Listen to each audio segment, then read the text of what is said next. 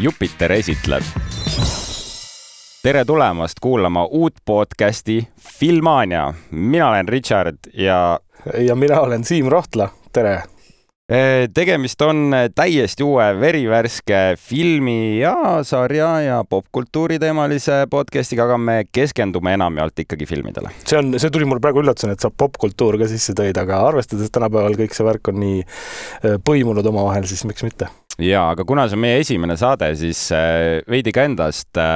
mina olen Richard-Erik Järvi, Jupiteri peatoimetaja ja filmid on olnud lapsepõlvest saati minu südameasjaks ja mm, jah selline mees, okei okay., kuule, aga mul on selles mõttes sama.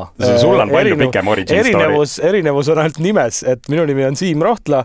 Äh, ma olen äh, jah, ka nii kaua, kui ma ennast mäletan, tegelikult filmiasjadega äh, lähedalt olnud sõber, sest et olen filmifänn olnud eluaeg olen, muuseas hariduse poolt olen ehitusinsener, olen magistrikraadiga betooniteadlane, nii et kui sa seda teemat ükskord tahad rääkida, siis lähme istume kuhugi. Drag the Cross Concrete film tuleb kohe pähe just, just, äh, aga, aga viimane suur ähm, või siis eelviimane suur majanduskriis, äh, äh, sel ajal koondati mind sealt sellest valdkonnast ära, ehitusvaldkonnast ja sain valida, et hakkasin tegelema PÖFFis.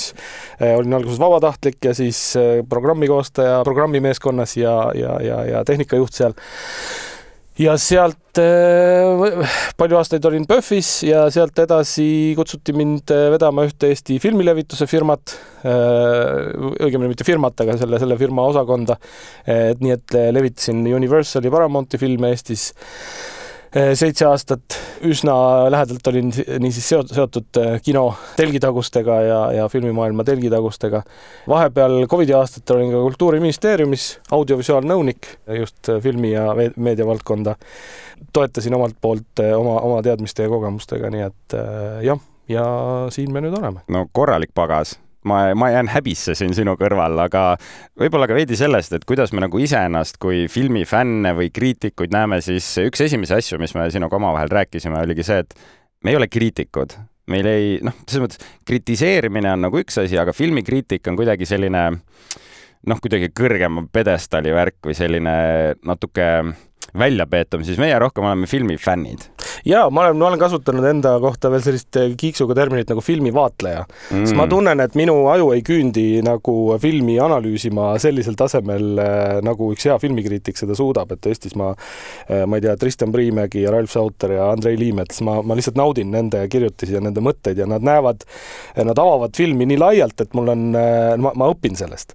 et tõepoolest, me siin sinuga plaanime selles podcastis võib-olla väljendada rohkem sellist enda tundeid ja mõtteid, mida film tekitas ja, ja anda hinnanguid rohkem äh, selle pealt äh, ja võib-olla võrrelda muude filmidega, mida oleme näinud ja, ja, ja mingite selliste kogemuste pealt äh, siis anda soovitusi ja tuua filmides esile seda head, mis me seal näeme. ja, ja me teeme ka sellist nagu mängulist poolt veidi, varsti tutvustame, mis meil tänases saates täpselt juhtuma hakkab, aga äh, ei räägi mitte ainult ka niisugustest nädalakajalistest filmidest, vaid äh, veidi ka üldisemalt sellistest teemadest, mida veidi avame, et noh, sina oled olnud filmilevitaja, nii et natuke avame ka seda teemat mm, aga kuidas meie omavahel sinuga teineteist leidsime? kõigepealt ma tahaks küsida, millal sa esimest korda üldse mind kui Rit- või kas, mis ajast sina nagu mind tead, mis mul on väga lugu, kuidas ma sinuga esimest korda kokku puutusin, aga kus sa mind esimest korda teadsid? tead, Eestis toimuvad ju sellised salapärased üritused nagu pressilinastused filmidele enamasti hommikusel ajal ja ma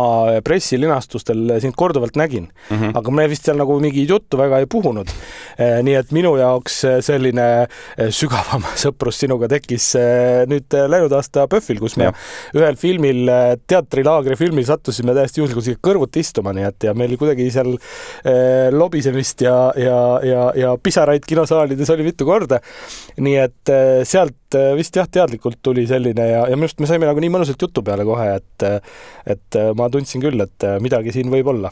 ja see, ja see PÖFF ongi tegelikult põhjus, miks äh miks ma väga tahtsin sind kampa saada, aga see lugu, kuidas mina esimest korda sind ma ei tea, kas siis üldse tähele panin või, või selles mõttes kuidagi nagu mingi väga jäädvustunud hetk oli täpselt sama üks pressilinastus.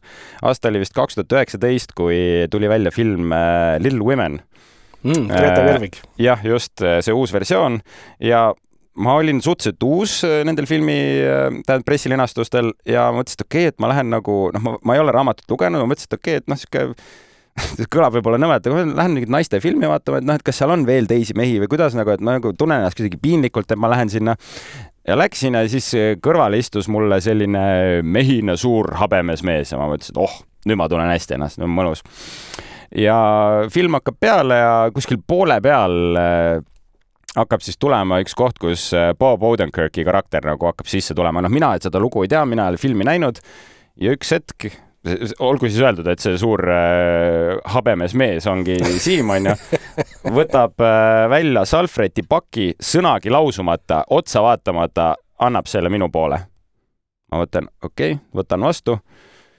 ja siis tuleb see koht ja sinu salvrätt läheb kohe käiku mina ka väga tagasi ei suuda hoida, Salfred läheb ka käiku.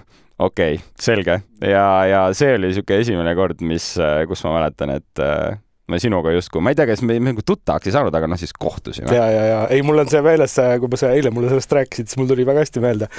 Äh, ja ma olen üldiselt äh, kinosaalis selline üsna, üsna haavatav, ütleme selliste südamlike ja ja, ja võib-olla just nimelt nagu südamlik, võib-olla kurbus mind nii väga võib-olla ei mõjutagi, aga mm -hmm. just selline, kui on midagi väga niisugust helget ja ilusat ja ja, ja ustavus ja, ja, ja armastus ja vendlus ja sellised asjad äh, mõjuvad mulle eriti lasevad veed valla ja siis oli jah, väga-väga nunnu hetk oli meil seal kahekesi äh, väike, väikeseid naisi vaadata ja kõva häälega nina nuusata. Aga mis meil äh, tänases saates äh, juhtuma hakkab, meil on, noh, teemasid on meil palju, meil on võib-olla niisugune seitse või kaheksa eraldi niisugust nagu, no päris nagu segmenti, ütleme, räägime ikkagi sujuvalt, aga räägime näiteks nendest asjadest, mida me oleme vaadanud nädala jooksul, need võivad siis sarjad, filmid, saated, midagi sellist olla räägime loomulikult ka Jupiteri soovitustest, filmiuudised, no see on kindlasti üks olulisemaid asju, siin on, äh, põhimõtteliselt me isegi piire ei pane, räägime nii paljudest uudistest, mis meie arvates olulised on. Ja siis on äh, no ütleme siis, kutsume seda Siimu teemaks, äh, kus siis meil on üks mingisugune teema fookuses, mida me avame. see võib olla siis äh, ma ei tea, modernsest kinost või üldse filmitööstusest või ka natuke mingi ajalooline teema, mida me avama hakkame, et siin tegelikult piire ei ole, võime põhimõtteliselt nagu kõigest rääkida. just, selle osa nimeks panime fookuses, et see on mingi teema fookus. ma arvan, et äh, isegi me ei piiritle seda ainult minuga, vaid äh, sinuga ka, kuna sul on ka äh, mingid valdkonnaspetsiifilised teadmised ja kogemused, nii et äh, ma arvan, et seda saab äh, sinna ka sisse panna. Ja loomulikult ka filmidest ja uutest tulijatest, mis praegu kinodes ja voogedastuses on. Äh, neid on meil ka päris mitu täna. Ja siis see mäng või õigemini kodutöö, et filmiklassika kodutöö, see on üks äh, äh, vaatame, kuidas see välja tuleb, me nagu ei ole seda veel teinud ja see kujunes välja sellest, et kõigil on filmiklassikas mingisuguseid lünki ja me otsustasime, et paneme kirja mõned enda suurimad lüngad ja minu lüngad äh, kasvasid mingiks pooleleheküljeliseks. jah, see on äh, päris huvitav, sest äh, neid lünki on, on alati ka kõige suurematel filmispetsialistidel ja, ja friikidel, mis ühel, ühel või teisel põhjusel on mõni film lihtsalt vaatamata jäänud mm. -hmm. tihti on see tänu sellele, et need filmid ei ole lihtsalt saadaval kuskilt otseselt, eriti noh, mingeid vanemaid filme. aga ma jah, me vaatasime, ma vaatasin neid meie liste üle ja seal on täiesti saadavaid, kättesaadavaid filme ka meil mõlemal, nii et eks me üritame eh, seda podcast'i tehes endal need, eh, endal või üksteisel need lüngad eh, vaikselt ära täita ja, ja siis saate lõpus vaatame tuleviku poole, et mis siis järgmises saates meid ees ootab. just, ma veel, kuna mul üks sõber just äh, eile küsis, et, et hakkan podcast'i tegema, et äh, miks ja kellele sa seda, seda podcast'i teed, et äh, minul on juba aastaid tundunud, et mu sees on üks podcast nagu peidus, tahab õudselt sealt välja saada, aga olen piisavalt laisk või, või, või saamatu, et pole seda seni teinud, nii et siis, kui Richard mind kampa kutsus, siis ma võtsin mõtlemisaega umbes kolm sekundit ja ütlesin talle, et davai, teeme et äh, aga, aga ma arvan, et et me, meil ei ole mingisugust nagu valdkondlikku fookusteemat siin tõenäoliselt äh, läbivalt, sest me oleme huvitatud mõlemad nii Hollywoodist yeah., maailmakinost, Eesti filmist kindlasti äh,, erinevad, ma ei tea, filmifestivalid, auhinnad, et, et kõik selline, mis, mis meid endid tegelikult igapäevaselt huvitab ja, ja teemad, millest me räägime nii või naa, äh, kas meil on mikrofon ees või ei ole, et me tõenäoliselt oma äh, äh, loomulikust olekust räägiksime nendest teemadest niikuinii ja, ja tegelikult on ju praegu üldse, või üldse küsimus, et miks, miks praegu seda podcast'i alustada, sest minu meelest on praegu väga huvitav selline pöördeline aeg ju kino ja filmimaailmas, et, et äh, kino ja filmimaailm on muutunud läbi noh, viimase saja aasta kogu aeg.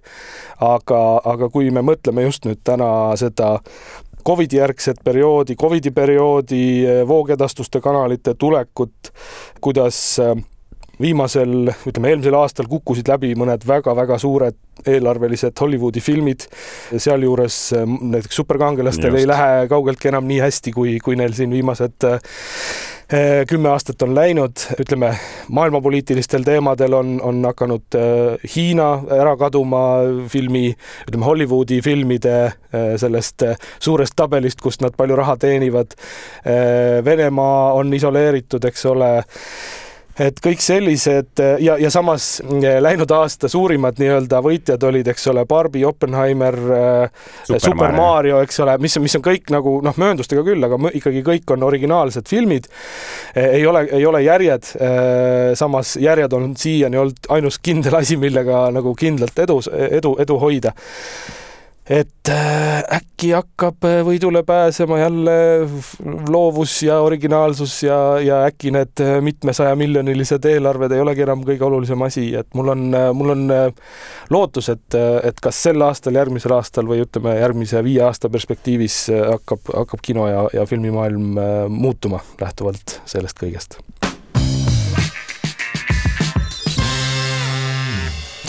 ja kuna me Richardiga oleme tõenäoliselt sellised sellid, kes keskmisest inimesest rohkem vaatavad igasugustelt äh, kodustelt ja ja väikestelt ja suurtelt ekraanidelt äh, kraami, siis me mõtlesime, et me räägime iga nädal ka sellest, mida me ise vahepeal kodus vaatasime, et see enamasti on, on selleks siis mingid klassikalisemad, varem, vanemad filmid, mis juba kinos kunagi olnud või siis sarjad, millest Just. me ei pääse ei üle ega ümber, arvestades, et milliseks on äh, sarjade maailma tase viimasel äh, aastakümnetel läinud, siis äh, niisugust kulda tehakse lihtsalt. see piir hägustub, filmide ja sarjade piir on täiesti hägustumas. piir hägustub ja, ja, ja üks, üks põhjus, miks mille poolest sarjad eh, kohati on filmidest üle, on see, et, et selle pika aja jooksul, mis sa seda, mis sa nende inimeste või nende tegelastega koos veedad, sa saad nendega ja. nii lähedaseks, et sul tekib eh, hoopis teistsugune suhe kui mõne filmitegelasega kahe või, või kolme tunni jooksul. üks selline nähtus minu elus on sari Band of Brothers ehk Relvavennad, kahe tuhande esimese aasta kümneosaline minisari. see põhineb Steven Ambrose'i raamatul ja jutustab siis siis äh, tegelikult USA õhudessantväest, äh, täpsemalt langevarjuritest, äh, ühest kompaniist teises maailmasõjas. lugu kümnetunniajase episoodi jooksul siis algab nende treeningutest ja põhimõtteliselt läheb välja sõja lõpuni selle aja jooksul, selle kümne tunni jooksul äh, just see, toimub just see, mida ma enne mainisin, et sa saad nende tegelastega niivõrd äh, lähedaselt tuttavaks ja sa, sa tunned, see on ka ülihästi edasi antud, kuidas need tegelased omavahel just. muutuvad relvavendadeks või põhimõtteliselt täiesti vendadeks see sari on üsna brutaalne, seal on väga, ütleme, selline ehe eh, sõja, sõjaõuduste kujutamine ja ajaloo, ajaloo truult eh, proovisid tegijad seda teha.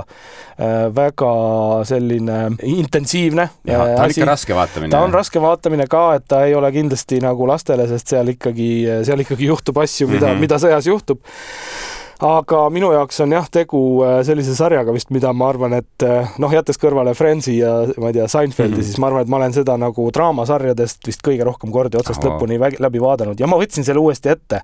Äh, põhjus see, et selle Band of Brothersi executive produtsentidena toimetasid ei keegi muu kui Steven Spielberg ja Tom Hanks, kes siis mõned aastad enne seda sarja tegid ka Saving Private Ryan'i filmi ja neil kahel mehel on, muuseas sel nädalal tuleb välja Apple plussi pealt äh, nende uus teise maailmasõja sari Masters of the Air.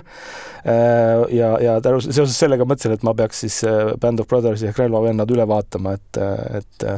Neil oli üks sari veel ju koos, The Pacific ja, oli Pacific ka niisugune spirituaalne ja. järg justkui sellele Band of Brothersile, eks ole. Pacific ka, see on mul veel ka väga kaua kuskil järjekorras olnud, sest sellest. sul on see nägemata? mul on see nägemata, ma, see läks minust kuidagi nagu mm. tol ajal mööda üks Band of Brothersi väga huvitav aspekt on veel see, et eh, see oli aasta kaks tuhat üks. Eh, sel ajal oli väga suur kamp sel hetkel veel täiesti tundmatuid noori näitlejaid, keda on praegu tohutult huvitav sellest sarjast nagu märgata, nad on peaaegu episoodilistes osades mõned.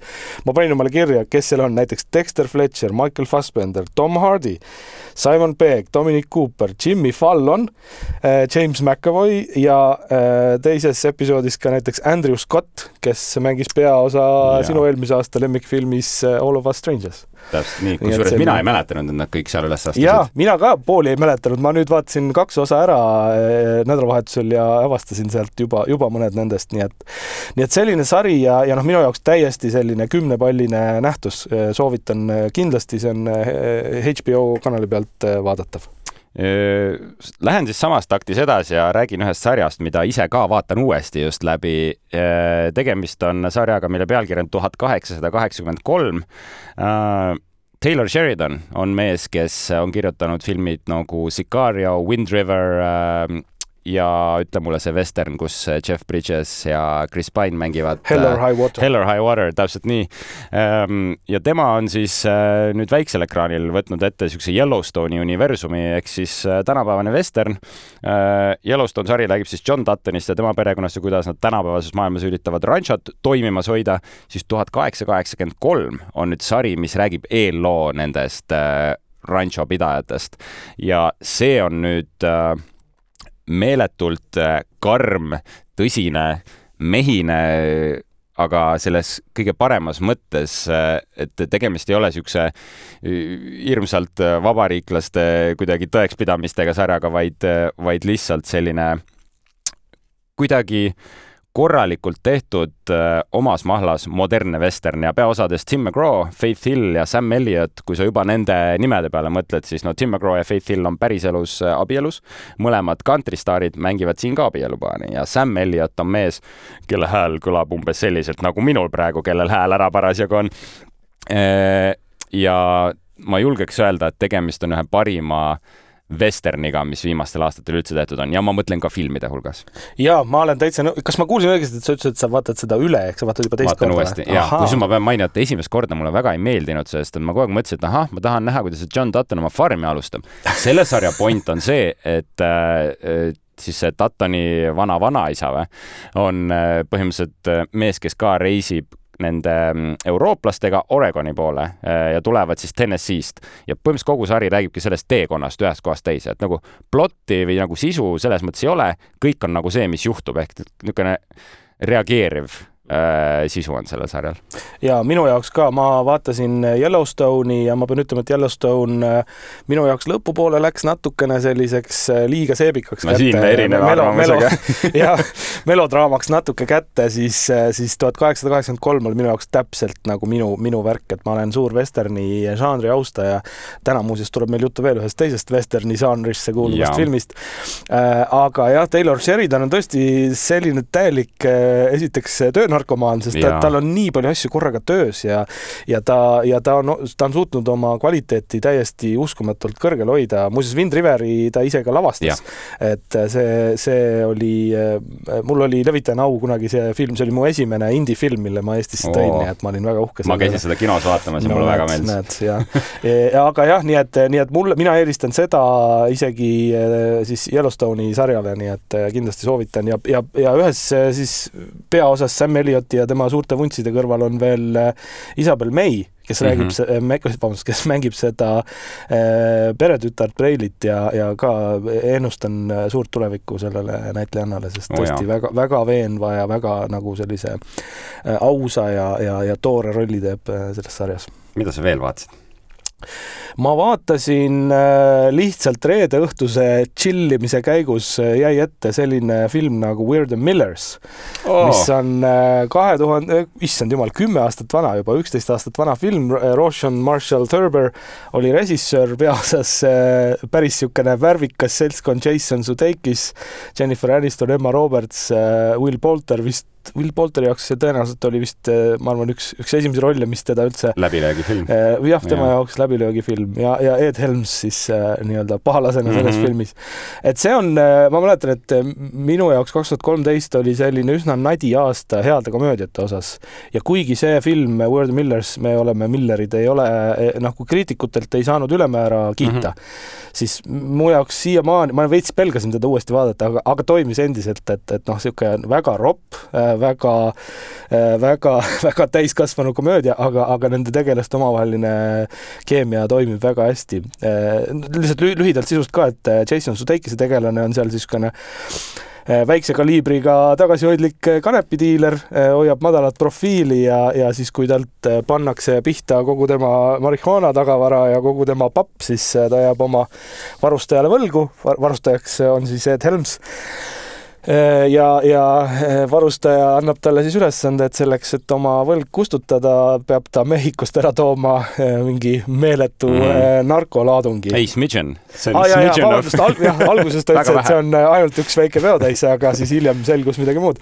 ja siis tal tuleb äh, geniaalne plaan, et ta paneb kokku siis äh, äh, nii-öelda võltsperekonna äh,, võtab kampa siis äh, äh, Jennifer Anistoni äh, kehastatud äh, strippari ja siis sealt oma naabruskonnast siis ühe poisi ja ühe kodu, kodutu tüdruku ja reisivad siis Mehhikosse tohutu äh, sellise äh, matkaautoga mm. -hmm. siis seda ära tooma ja noh, ütleme, et siit võib juba ette kujutada, mis seal kõik saama hakkab, et et äh, hästi lõbus, hästi lõbus road movie, hetkekski ei ole igav, parajalt ropp huumor ja, ja see ne- nelja peategelase vaheline keemia on, on suurepärane, nii et, et kindlasti soovitan selliseks äh, ilma lasteta filmiõhtuks. seda, sel-, seda tüüpi filme ei tehta väga ja kinno ka sellist, seda tüüpi filmid ei jõua, et see on ka natuke niisugune noh, ma ei tea, nostalgitsemine.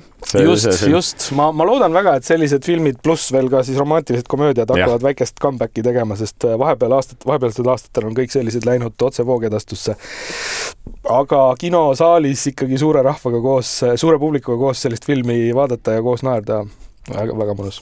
ja minu äh, filmiks äh, eelmisel nädalal oli selline Woody Alleni ettevõtmine nagu Midnight in Paris. praegu jään vastus võlgu, kas see eesti keeles Kesköö Pariisis ilmselt. vist oli Äh, küll, jah. ma isegi ei hakka seda lugu nii täpselt siin ümber jutustama, aga peaosas Owen Wilson, kelle abikaasat mängib Rachel McAdams ja Owen Wilson põhimõtteliselt äh, reisib Pariisis ajastute vahel ringi. tegemist ei ole niisuguse ulmelise filmiga, vaid rohkem sellise romantiseeriva öö, draamakomöödiaga. No nagu ikka Woody Allen, kes on Woody Alleni filme näinud, see saab aru, aga ma ütleks, et tegemist on Woody Alleni minu jaoks parima filmiga. siin äh, kuidagi ei ole sellist tema tüüpilist ki- kiirest pomisemist või, või või noh, nagu tal kombeks on tihtipeale, aga aga see film on ka selline nostalgitsemine, vanadel aegadel otsa vaatamine ja see just, see nostalgia on üks väga huvitav emotsioon ja seal filmis räägitakse sellest väga mitme leveliga. Just mäletan ka, käisin seda minu meelest Artise kinos vaatamas kunagi ja mm. -hmm. ja tõesti oli hea. meeles veel selline fakt selle filmi ko-, ah muuseas, see ei ole täna viimane Woody Alleni film, millest me räägime ka, aga, aga on huvitav äh, lugu meeles sellest filmist, et ähm, äh, Tom Hiddleston mängib seal filmis Jah, ka äh, Scott- kõrval. ma ei hakka spoil ima, sest keegi ei ole näinud. ei no ütleme, et ta mängib äh, ühte tegelast, no mis me ikka spoilime, F. Scott Fitzgeraldi mängib, ehk siis ta on äh, tegelane minevikus uh Mhm. -huh. ja Woody Allenil pidi olema komme, et ta ei anna oma näitlejatele tervet stsenaariumit, vaid annab ainult selle, need leheküljed, kus on nende tekst. nii et Tom Hiddlestonil polnud aimugi, mis filmiga seda täpselt tegu oli ja kui ta tuli võtteplatsile ja nägi Owen Wilsonit mingite teksadega hängimas, siis ta oli küsinud, et oh, et kus sinu nagu ajastu truudriided Ahah. on ja siis ta sai aru, et aa, see on hoopis mingisugune ajas rändamise film. nii et äh, selline huvitav äh, lugu, jah.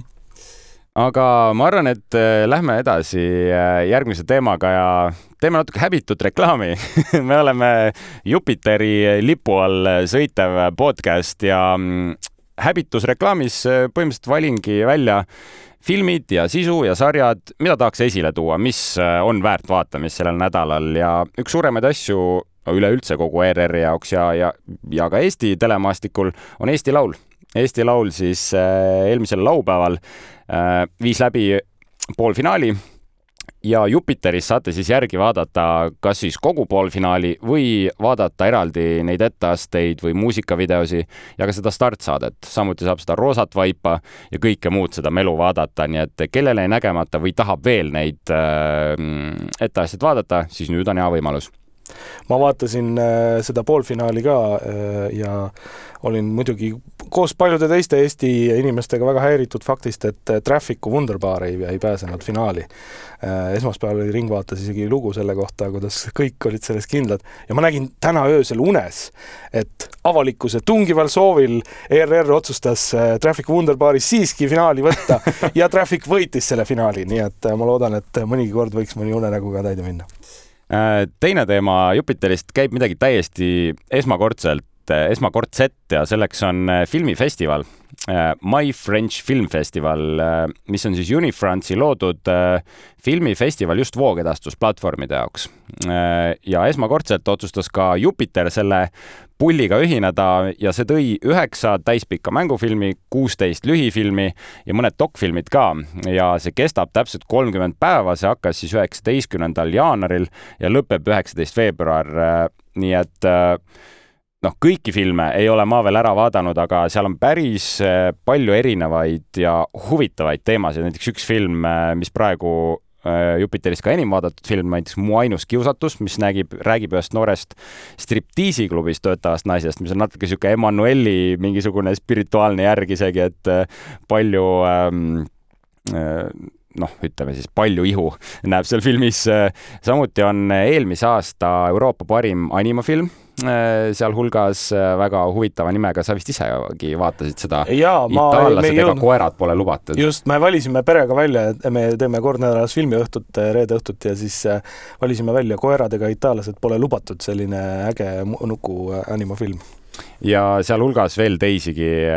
soovitan väga süveneda, vaadata, sest need on tõesti filmid, mis, mida ei saa praegu kuskilt mujalt kui ainult Jupiterist vaadata aga ühe väga ägeda sarja uus hooaeg on tulnud ja selleks on Briti krimisari Vigil äraostmatute tegijatelt järg siis esimesele hooajale, mille tegevus toimus allveelaeva peal ja tege-, noh, ütleme nii, et BBC sarja näol ta on krimisari, aga ta toimub sõjaväelises settingus. et esimeses hooajas me nägime, kuidas allveelaeva pardal mõrvati üks siis mereväe liige ja asus seda uurima siis Amy Silva, Suran Jonesi poolt mängitud. nüüd teises hooajas, kuna veealune maailm on vallutatud, lähevad nad õhku ehk siis droonid ja selline tänapäevane sõjapidamis viis on seal teemas ja tegevus hakkabki peale sellega, kuidas üks droonikatsetus no läheb vussi pehmelt öeldes ja seesama uurija Amy Silva saadetakse oma kaaslasega Kirsten Longacre'iga, keda mängib Rose Leslie, naine, kes on üles astunud Game of Thronesis Ygritte'ina see on nüüd sari, mis sobib väga hästi krimisarja fännidele, aga ka selliste sõjafilmide fännidele, et siin on noh, et ta ei ole selline nagu Hercule Poirot stiilis selline välja peetud äh, rahulik äh, stiilne krimisari, vaid siin on ikka tempot ja action'it ja, ja kõike seda möllu ka. ja olen oma filmifännidest sõpradelt kuulnud, et pidi väga äge sari olema tõesti. ja praegu Jupiteris kõige vaadatum sari, nii et visake kindlasti pilk peale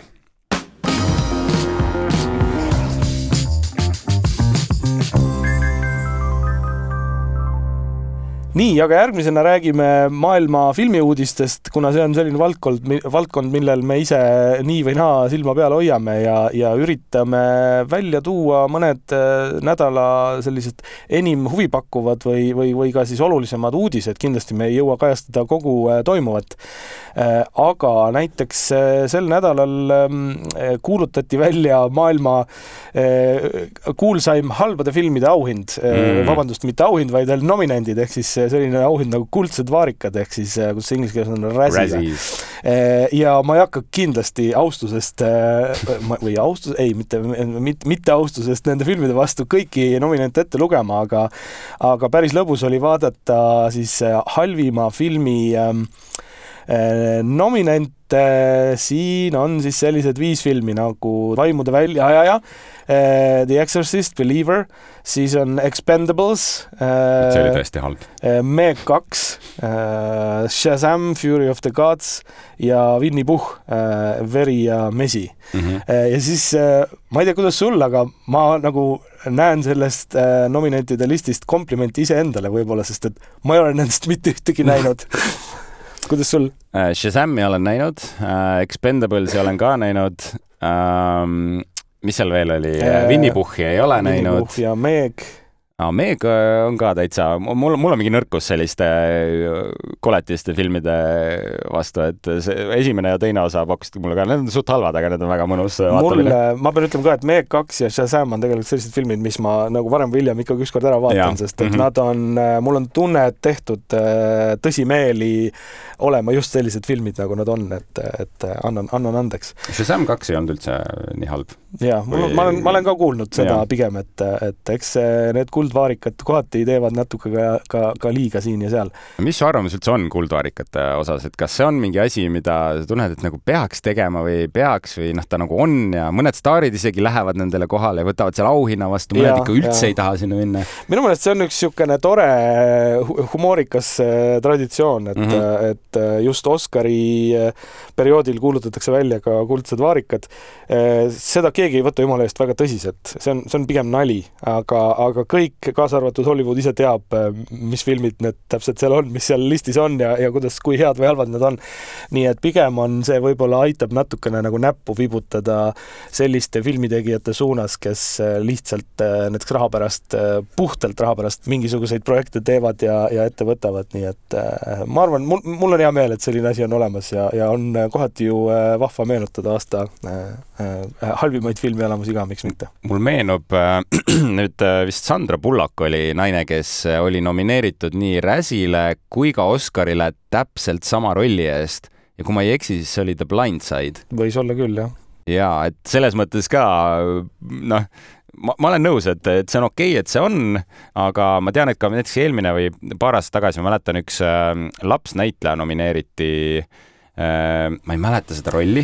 Ma... Äh, vot nüüd taustatöö on praegu tegemata, aga seda nagu taheti nomineerida ja siis öeldi, et see ei ole ikkagi okei okay,, et sa isegi... niimoodi noorele näitlejale teed, eks ole, siis see võeti tagasi. jaa, ta isegi nomineeriti, aga sel aastal tuli koos nominentidega ka vabandus äh, ja. nende Rasi korraldajate poolt sellele lapsele, sest see ei ole päris aus. jah üks niisugune põnev uudis Ryan Coogleri fännidele ja tegemist on siis äh, uue filmiga, mis hakkabki kooruma Ryan Coogleri ja Michael B. Jordani käe all.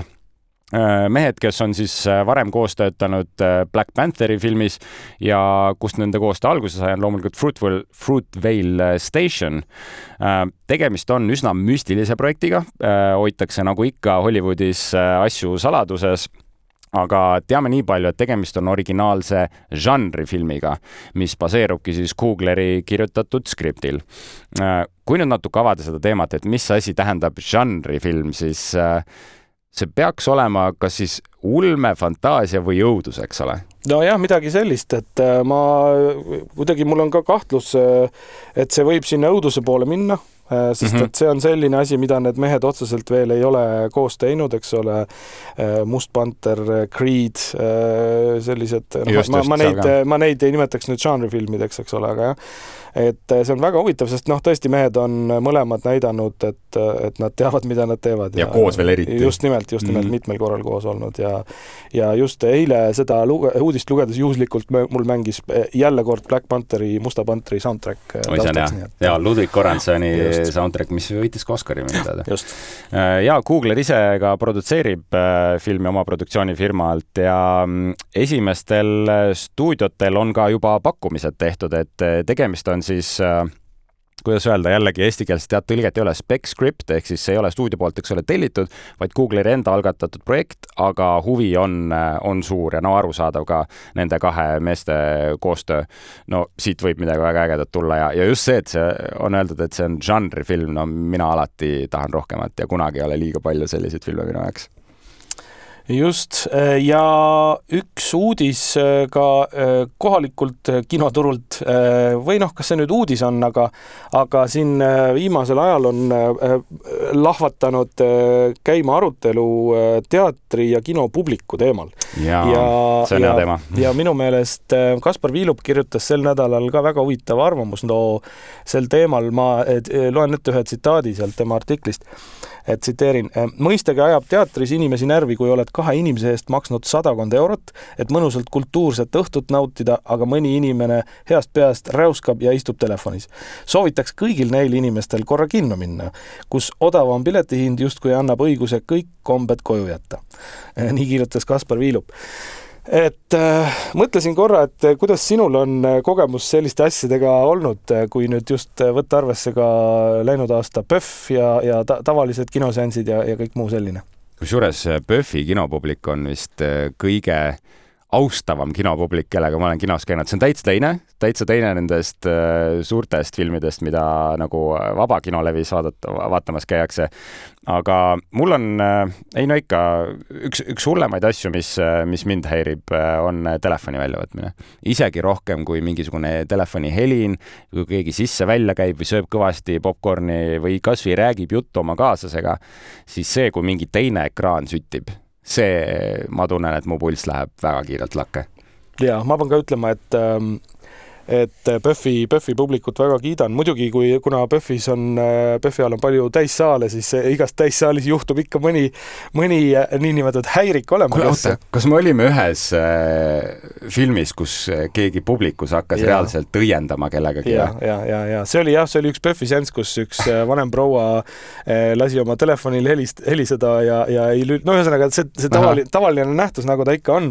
mul endal tuli meelde kunagi ühel Dogpointi festivalil Sõpruse saalis, äh, äh, kus mängis film Lemmi, kuulsast siis äh, metalli, metalli rokimehest ja kus oli keset täissaali, täiesti täpselt saali keskel istus üks äärmiselt purjus härrasmees mm., kes noh, sõna otseses mõttes mölises ja väga kõva häälega rääkis ja mingit tähelepanu filmile ei pööranud. ja, ja siis me tegime sellise asja, mida tänapäeval tänu digitaalkinole saab teha, et me panime filmi pausi peale, me panime tuled põlema ja me läksime ja talutasime selle mehe saalist välja, sest seal noh, seal muud varianti varianti lihtsalt ei olnud, sest filmi ajal seda kõike tegema hakata, see oleks noh, olnud hullem. ja kuna ta oli täpselt saali keskel, siis see oli ka päris keeruline teda sealt välja saada, aga aga kui see mees uksest välja läks, me saime aplausi äh, täismajalt, mis oli päris äh, mõnus ja kõik vaatasid suurema rõõmuga filmi edasi. ma pean küll ütlema, et äh, minul sellisel tavaseanssidel vist on kuidagi nagu vedanud, sest et ma ei, ma ütleks, et nii nagu Eestis on autokultuur palju paranenud viimase mm, -hmm. ma ei tea, kolmekümne aastaga, nii minu meelest on ka kinokultuur selles mõttes paranenud, et kuigi ekraane taskus on, on rohkem, siis enamasti eh, on minu jaoks probleem see, kui keegi väga kõvasti räägib omavahel, arutab või, või sosistab.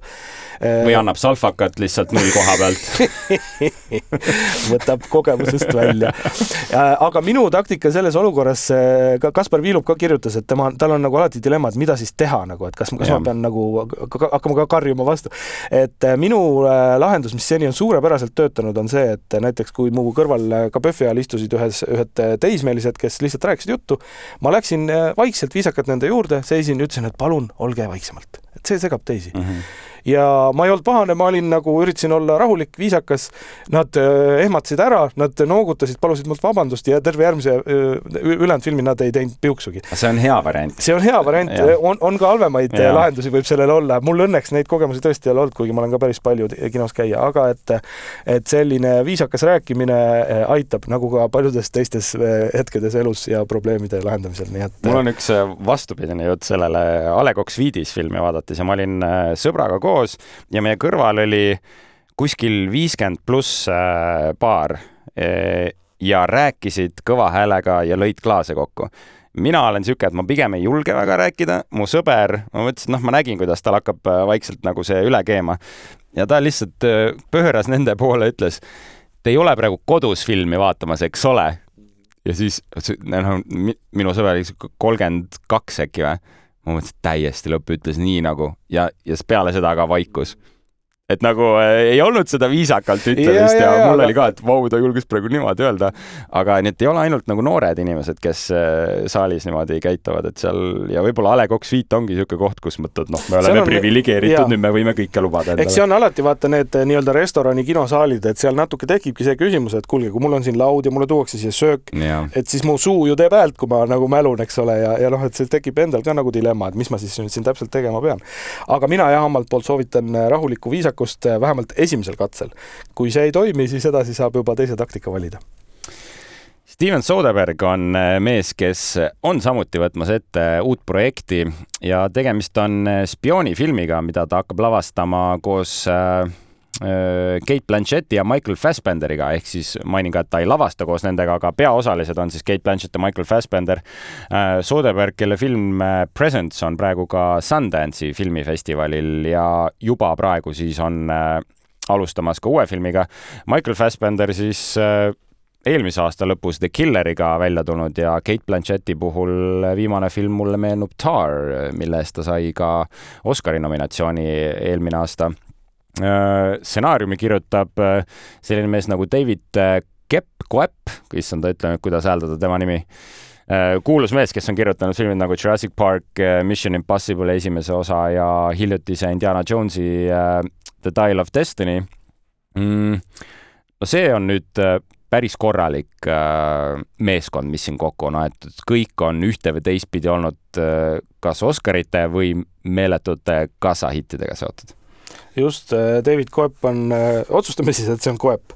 Äh, David Koep on kirjutanud samal ajal ka selle Tom Cruise'i Muumia, mis ei olnud suurem asi film, nii et ta on jah, üsna selline töökas tegelane ja töökatel tegelastel tavaliselt tuleb ka neid mädasid õunu sinna CV-sse aeg-ajalt, aga üldiselt on ta jah, selliste suurte, suurte hittide peal ähm, tööd teinud. Eh, samal ajal tuli sel nädalal ka uudis eh, sama mehe kohta, David Coep, et ta on eh, kuuldavasti kirjutamas uut Jurassic Worldi filmi, ehk siis tema, kes ta oli autoriks esimesel ja teisel Jurassic Parki filmil koos Spielbergiga, on nüüd tagasi tulnud üle siis nelja vahepeal toimunud filmi ja, ja tagasi selle maailma juures, nii et väga põnev, mis sealt tuleb, sest et Universali stuudio jaoks, kes Jurassic, Jurassicu maailma siis nii-öelda stuudio, kodustuudio on, nende jaoks on Jurassic ikkagi, ma arvan, et üks kõige edukamaid mm -hmm Äh, filmisarju või, või nähtusi üldse, arvestades, et sellega käib kaasas ka noh, lõputu hulk äh, mänguasju ja igasugust muud äh, nänni, mille, mille peale seda logo saab panna. mulle tundub, et see Jurassic Worldi triloogia või, või siis dinosauruste maailma triloogia, sealt pigistati küll kõik välja, mis sealt nagu, mis sealt pigistada oli. selle Worldi triloogia? jaa, ma mõtlen nüüd see mm -hmm. uuem triloogia. vana, vanas triloogias mina, noh, minu jaoks isiklikult esimene, esimene Jurassic Park, ma arvan, ikka minu mingi top kahekümne filmide seas, see on täiesti nagu, see on, see on noh, veatu film ja. minu jaoks täiesti. Äh, sealt edasi noh, äh, võib-olla mitte nii väga, aga, aga Jurassic Worldi filmid olid selline äge popkorn meelelahutus, aga, aga nagu ma ütlen, minu meelest sealt pigistati kõik välja, et, et, et nüüd, nüüd peaks midagi noh, mingi täiesti teise nurga alt seda asja võtma, sest minu meelest see on nii põnev maailm, et seal, sealt on nagu, sealt justkui nagu võiks ju olla veel võtta midagi. Jah äh,, muidugi Universal ütles, et see, mis see oli, Jurassic World Dominion, ülemvõim, eks ole, et see jääb nüüd viimaseks äh, ja Jurassic World läheb äh, loorberitele puht, puhkama, aga sa ütlesid äh, õiget asja, et see on nende rahalehm. Nad kindlasti pressivad sealt midagi veel välja, kas nüüd Chris Pratt tagasi tuleb ja, ja Jeff Goldblum ja need vanad tegijad ma ei tea, äkki nüüd on aeg anda täiesti uuele, uutele tulijatele võimalust? jah, eks mingisuguseid sidemeid nende vanadega ju on äge pidada, ma arvan, et Jeff, minu, minu meelest võiks Jeff Goldblum jääda selleks äh, siduvaks äh, niidiks nende, nende filmide vahel. aga see selleks, igatahes jah, väga-väga põnev, mis sealt äh, tuleb. arvestades, et tegu on päris suure projektiga, siis ma arvan, et noh, veel sel aastal see film tõenäoliselt ekraanidele ei jõua, aga miks mitte järgmisel. Läheme vaatame, mis toimub Sony Marveli universumis ja film, mis nüüd mõne nädala pärast on välja tulemas, Madame Web ähm,. igatahes äh, CBR andis teada, et äh, neil olid hoopis teised plaanid äh, algse filmiga ja kui me läheme natuke tagasi, mõtleme Marveli Spider-man'i filmi peale No Way Home, mis oli siis viimane Tom Hollandi ämblikmehe kehastus kus astusid üles ka Tobey Maguire ja Andrew Garfield, no see oli vist üks koma üheksa miljardi väärtuses film.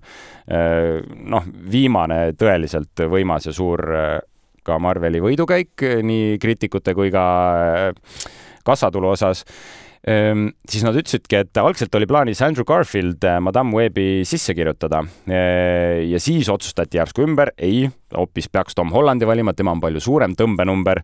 Ja siis, kui hakati eh, seda stsenaariumit lugema, mis Madame Webi tegevus toimub siis üheksakümnendatel, vara kahe tuhandetel, kahe tuhandetel ja otsustati, et me ei saa tuua neid sisse, sest see ei lähe enam ajajoonega üldse kokku.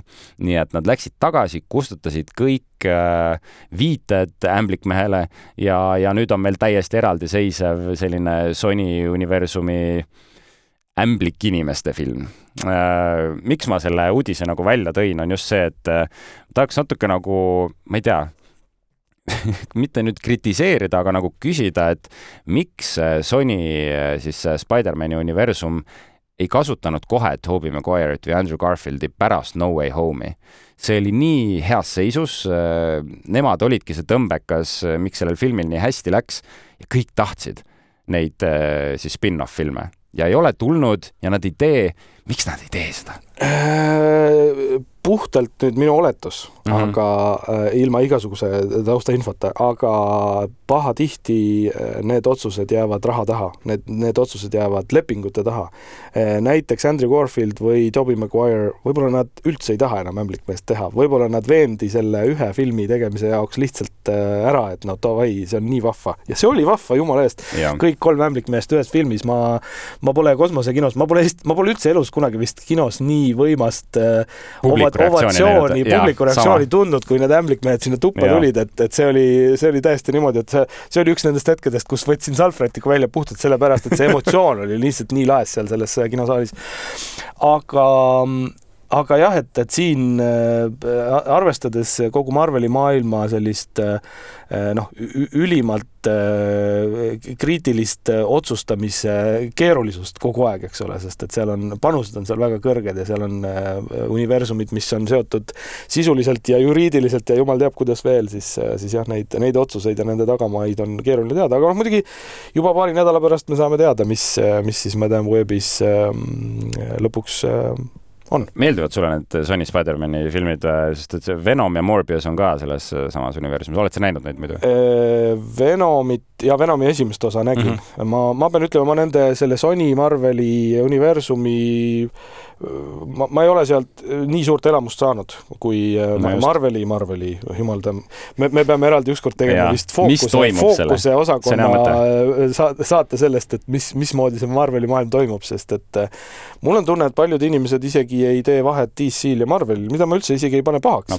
aga, aga kui sa oled DC või Marveli fänn vastavalt, siis sa, siis sa, sa võid väga pahaseks saada, kui keegi nad sassi ajab, aga, aga siis on eraldi Marveli maailmas olemas siis Sony Marvel ja, ja siis Disney Marvel, äh, kus on ka erinevad tegelased ja maailmad, nii et äh, aga noh, nagu ma enne mainisin, ma arvan, et see maailm, see superkangelaste maailm, see on väga-väga muutumises praegu ja väga keerulisi koosolekuid peetakse Hollywoodis sel teemal, et kuidas, kuidas Marveli ja superkangelastega üldse edasi minna. kusjuures see superkangelaste väsimus, inglise keeles superhero fatigue, siis termin, mida palju ringi loobitakse, et see on teema, mida võiks kindlasti arutada ka sellesama fookuse teemal sel nädalal praegu on toimumas Ameerikas Utah osariigis Park City's ja Salt Lake City's selline üks, ma, ma kahtlustan, et maailma ägedamaid filmifestivale, Sundance'i filmifestival.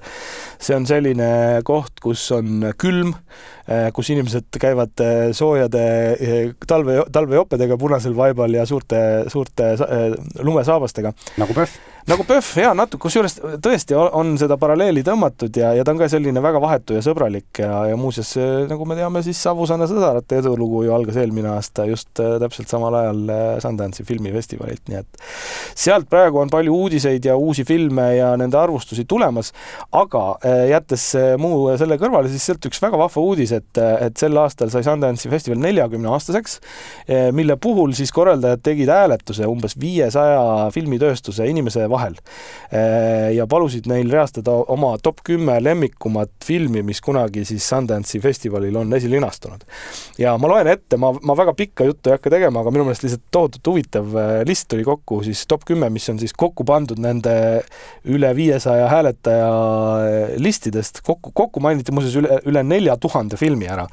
aga top kümme siis tuli selline, kümnendal kohal Blood Simple, äh, Joel ja Ethan Cohen'i debüütfilm üheksandal kohal Y tu mama tambien, mis oli siis Ja sinu ema ka, kui ma ei eksi, Alfonso Cuaroni film kaks tuhat kaks. kaheksandal kohal Boyhood, poisipõli, kaks tuhat neliteist Richard Linklateri film muuseas üks kahest Richard Linklateri filmist siin listis. see oli, mäletate, kaheteist aasta jooksul üles võetud äh, film, mis näitas siis ühe poisi kasvamist nii, nagu see päriselt käib ja juba seitsmendal kohal siis Before Sunrise, äh, Richard Linklateri teine film siin listis. peaosas äh, Ethan Hawke ja, ja Julie Delpy, noored ja ilusad. kuuendal kohal Sex, Lies and Videotape, Steven Soderbergi debüütfilm. vaata, kui palju debüüte siin on. muuseas, sel aastal on Soderberg Sundance'is oma kummitusfilmiga ka. see peakski Presence. see Presence olema just. just, Presence jah ja.. Ehm, viiendal kohal Christopher Nolani Memento, eh, siiamaani minu ka üks, üks, üks lemmikfilmidest. ka peaaegu debüütfilm. või noh, ütleme, millega, film, mis sai kuul-, mis tegi ta kuulsaks. just, jah eh, neljandal kohal Little Miss Sunshine, Steve Carell ja Tony Collette ja Alan Arkin ja Paul Dano ja pisike äge Abigail Breslin hästi-hästi-hästi armas film. kolmandal kohal Jordan Peele'i debüütfilm Get Out, äh, mees, kes pärast seda on veel teinud niisugused filmid nagu Us ja Nope. Äh, teisel kohal Quentin Tarantino debüütfilm Reservoir Dogs äh, aastast üheksakümmend kaks ja Tatarata esimesel kohal äh, trummipõrin. Damien Chazelle'i trummipõrina, vabandust, Miles Telleri trummipõrina äh, taustal Whiplash kahe tuhande neljateistkümnendast aastast, see siis oli Äh, USA filmitööstuse hääletajate poolt hääletatud kõigi aegade lemmikumaks Sundance'i filmifestivalil esile astunud filmiks. suurepärane, mul oli au seda filmi kunagi Eestis levitada, olin, olin väga uhke. see on väga hea, väga pingeline film ja J.K. Simmons koos Miles Telleriga, puhas kuld kuld. aga lõpetuseks äh, veel üks äh, pisike uudis Eestist. pange kirja, võtke märkmik välja, keerake ette aprillikuu, kaheteistkümnes aprill siis toimuvad Eesti filmi ja teleauhinnad kaks tuhat kakskümmend neli. oled ise minemas? kindlasti, no kui kutse saan mm,. loodame. ikka tahaks minna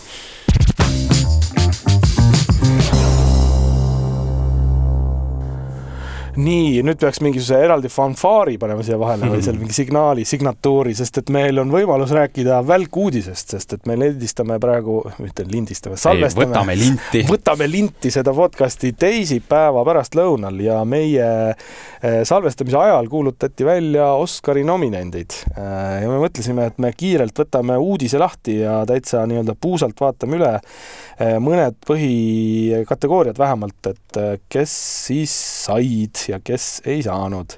parim film, esimene kõige suurem kategooria. jaa, ta-ta-ta, nii, mis meil siin on, American Fiction, Ameerika fiktsioon, see on nüüd film, mis äh, kinodesse meile tõenäoliselt ei jõua, kuna see on MGM-i oma, siis ta tõenäoliselt äh, maandub varsti Amazoni platvormil. treileri järgi mulle tohutult mm -hmm. sümpaatne ja selline terav ja humoorikas tundus, nii et ma väga ootan seda filmi sellele järgneb veel Anatomy of a Fall, ma lähen lihtsalt järjest, sest me ei jõua ja. siin kõigist rääkida. Anatomy of a Fall, Barbie, The Holdovers, Killers of the Flower Moon, Maestro, Oppenheimer, Past Lives, Poor Things ja Zone of Interest siin mingisuguseid väga suuri üllatusi ei ole, sa küll mainisid korra Color of Purple. Color of Purple, jaa, äh, see on tõesti, ma arvan, mida oleks ennustanud, kuna see film on ka palju sellist väga positiivset suminat tekitanud, ma ei ole ise seda veel näinud äh, aga üldiselt vist jah, selline suhteliselt äh, ennustatav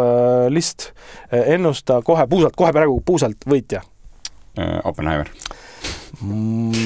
ma võtan õiguse oma ennustust aja jooksul veel muuta enne kümnendat märtsi, aga mulle praegu tundub ka, et Oppenheimer. aga sellele on hea võtta otsa kohe parim reža ka, sest need tihtipeale kattuvad ja režissööri kategoorias on siis eh, viis nominenti. selleks ongi Anatomy of a Fall, Justine Triet, eh, Killers of the Flower Moon, Scorsese, Oppenheimer, Christopher Nolan, Poor Things, Lantimos, Zone of Interest, Jonathan Glazer ja, ja mulle tundub, et siin on üks üllatus äh, sellega, et siin ei ole Greta Gerwigi, äh, Barbi režissööri, ma arvan, et see on minu jaoks, äh, ma ei ütle nüüd šokk, aga see on ootamatu, sest et Greta Gerwigi sellist julgust ja vaprust selle filmi puhul ja, ja leidlikkust äh, kiideti eriliselt, nii et ma arvan, et see on päris ootamatu, et teda siin ei ole. mees kõrvalosa? mees kõrvalosa Oscarid äh,, nii, kuna meil puusalt teeme, siis ma võtan kohe siit niimoodi ette valmistamata. Äh, Bradley Cooper, Maestro, Colman Domingo, Rustin, Paul Giamatti, Holdovers, Cillian Murphy äh,, Oppenheimer, Jeffrey Wright, American Fiction.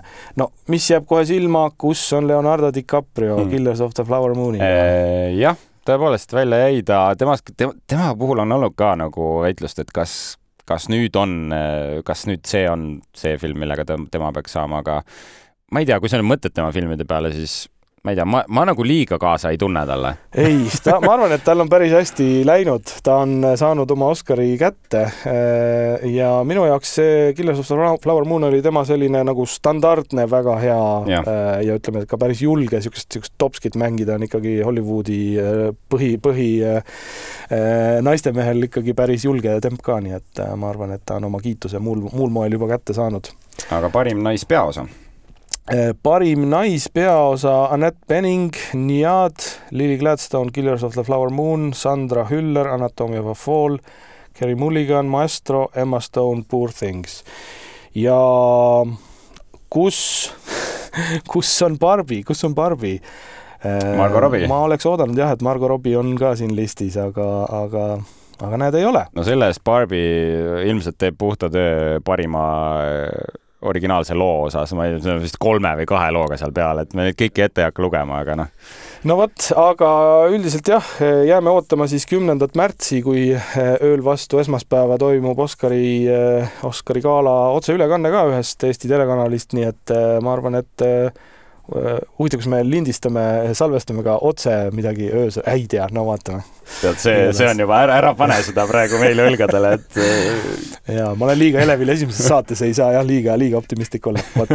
aga see oli siis kiire ülevaade täna välja tulnud Oscari nominentidest. ja lähme edasi äh, ühe meie niisuguse põnevama teemaga Fookuses kus me räägimegi siis mingist ühest kindlast teemast, mis iganes see ka oleks ja avame seda veidi. Jah, ja see, ütleme, mina täna valisin sellise teema, mille kohta minult on ka küsitud äh, palju, sest mina oma elu jooksul äh, olin seitse aastat sellises ametis nagu filmi levitaja ja siis äh, tihti nagu äh, küsiti minu käest, et mida see filmi levitaja siis tegelikult teeb, et, et nagu minu pisike poeg sel ajal küsis, et issi, kas sa teed filme? ma ütlesin, ei tee filme. aga siis, kas sa näitad filme? ei, ma ei näita filme hmm aga, aga kas sa tegid selle plakati? ma ütlesin, ei, ma plakatit ka ei teinud. kas sa selle treileri, ei, ma treilerit ka ei teinud, et siis kohati ma jäin hätta. aga äh, mis, mis siis tegelikult, kes siis on levitaja ja, ja see on selline roll, mille kohta noh, et kõik teavad, et on äh, stuudiod, on filmitegijad, on väiksed filmitegijad, suured teevad filme ja lõpus on kino, kuhu inimesed tulevad siis seda filmi vaatama. aga tegelikult siis nende kahe suure, suure monsteri vahepeal on selline väike eh, organism nagu filmi levitaja, eh, kelle, kellel on päris lai vastutus Eh, kuidas alustada, ma ütleks, et levitajaid on sisuliselt kolme erinevat tüüpi.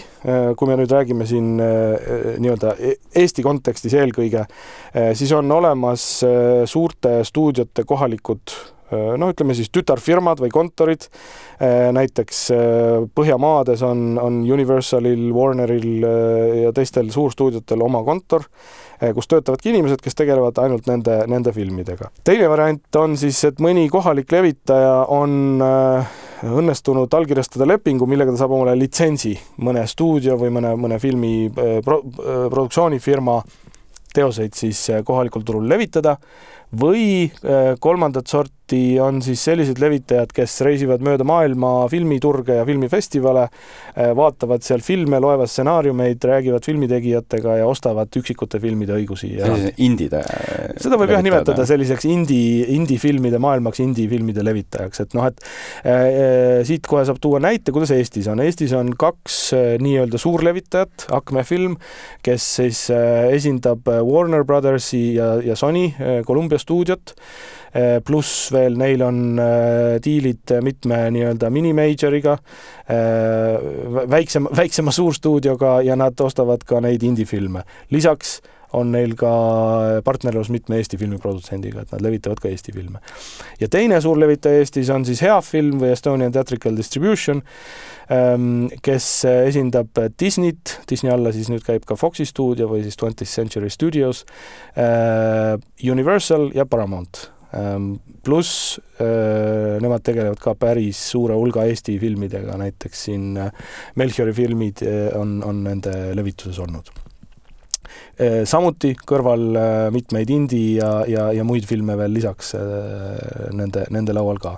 ja siis on Eestis terve hulk väiksemaid levitajaid, mõned on spetsialiseerunud nii-öelda arthouse filmidele, mõned toovad laia spektriga kõikvõimalikku kraami nii et selline, selline umbes on see Eesti maastik, aga millega siis levitajad tegelevad? Äh, no üks asi, äh, mis filmi publikule, kinopublikule esmalt silma jääb, on filmide tõlked, subtiitrid ja dublaažid. tihtipeale üldse ei teata, et mitte kino ise ei pane neid subtiitreid sinna alla, vaid see on kõik levitajate poolt korraldatud. tõlkijate ja, tõlkijate siis kokku otsimine ja, ja tõlgete nii-öelda tehniline sinna filmi külge panemine.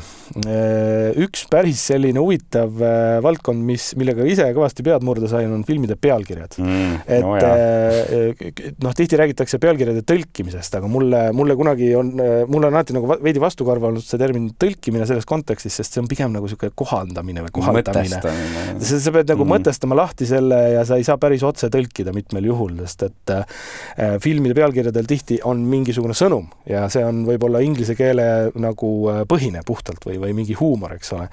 et, äh, et siis sa pead mõtlema mingisuguse võib-olla hoopis teise sõnastusega pealkirja.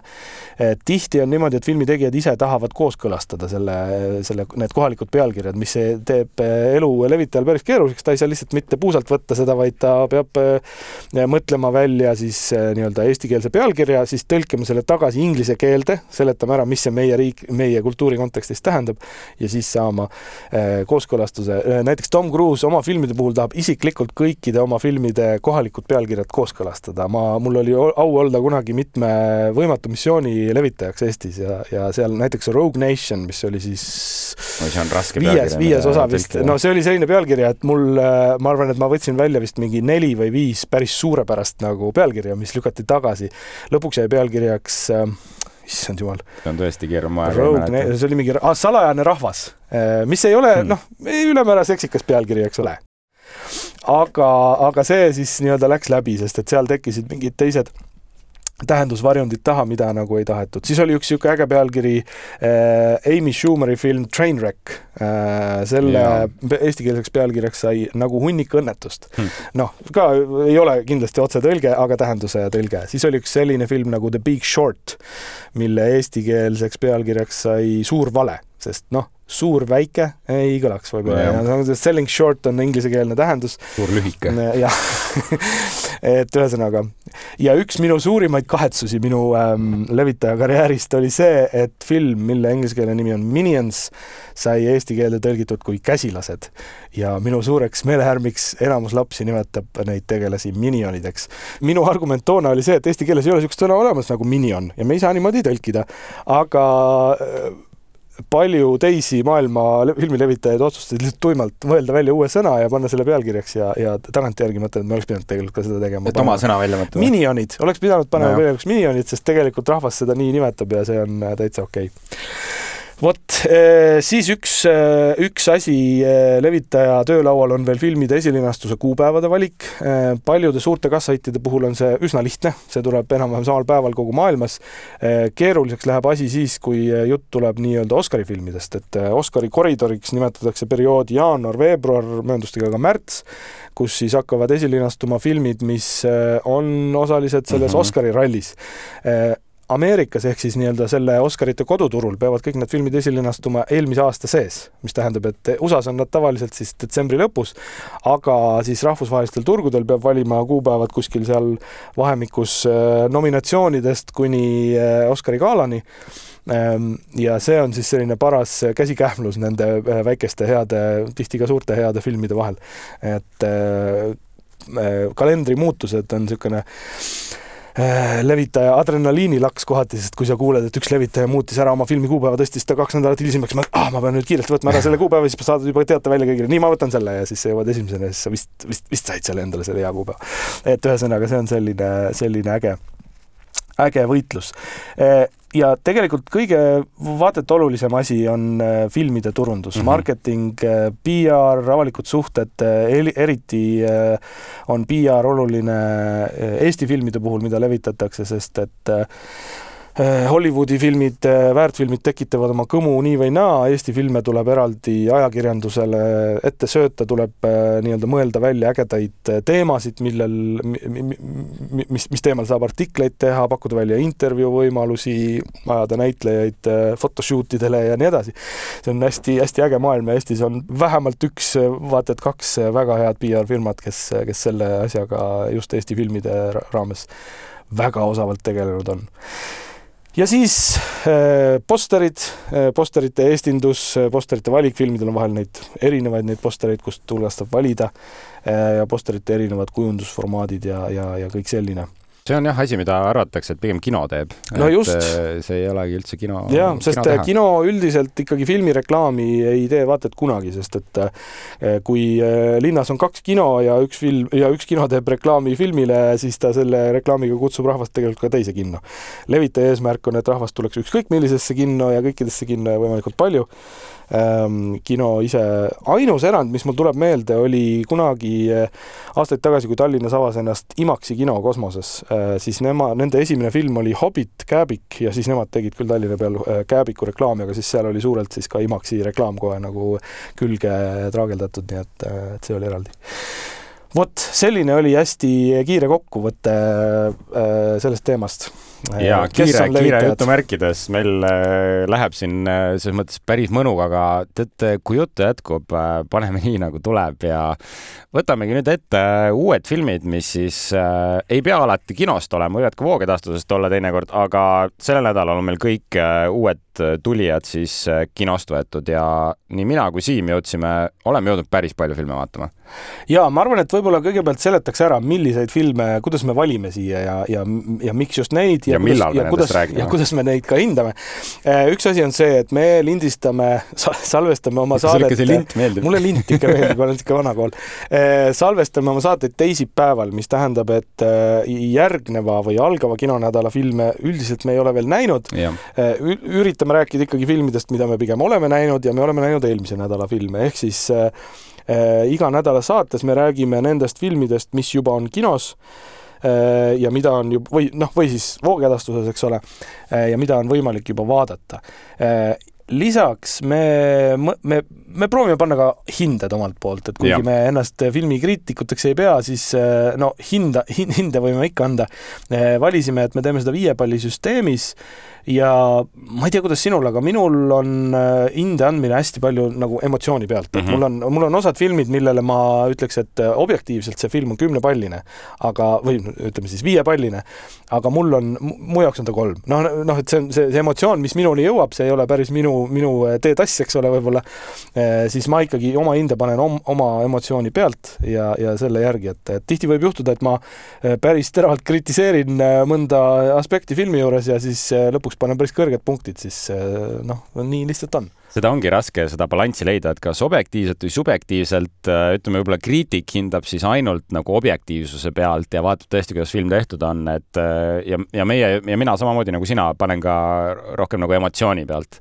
ja, ja, ja ka üks oluline asi minu arust on ka see, et äh, hinnata filmi nagu selles omas kategoorias, kus ta on, et näiteks kui mingi film, noh, ma mõtlen, mis oleks saanud selles filmis paremini olla, see film võib-olla mulle nii väga ei meeldi aga ma ei oska, noh, ta tegi kõik, mis ta nagu teha suutis. et vot see on raske koht, kus sa siis hinnet paned, aga, aga eks see ongi meie, meie katsumus ja me saame sellega hakkama, ma usun jah, ja üldiselt vist on ka nii, et äh, kui äh, hinne jääb kolm või kõrgem, siis see on mm -hmm. põhimõtteliselt nagu äh, meie väike soovitus. kui hinne jääb kaks või madalam, siis võib-olla mitte nii väga soovitus jah, hästi öeldud. Ja äh, mis meil on, meil on lausa vist äh, viis või kuus filmi, peame vaatama, kas me nüüd täitsa kõigist räägime, aga filmid, mis äh, praegu kinodes ja mida me vaatamas käisime, ma loetlen nad siin kõik enne ette, on Üks elu, Pühakud ja patused, Vaesekesed, Õelad tüdrukud ning puhas õnn. täpselt nii. Ja ma arvan, et lähme üle ühe et äh.... jah, võib täitsa teha, see nädal on päris huvitav see, et äh, ma ei tea, kolm või neli filmi on sellised, mida mina nägin juba PÖFFil. nii et minu äh, emotsioon ei ole värske, vaid see, mis on äh, mällu sööbinud äh,. esimene film, millest me räägime, on äh, pealkirjaga Üks elu äh,, väga tuntud selle poolest, et seal peal, peaosa mängib äh, keegi muu kui Anthony Hopkins, kes on muuseas kaheksakümne kuue aastane, kujutad sa ette? Aga teistes peaosades veel veel Helena Bonham Carter, Johnny Flynn, Jonathan Price ja Lena Olin, kõik väga äh, Briti raudvara. Briti, just nimelt Briti raudvara.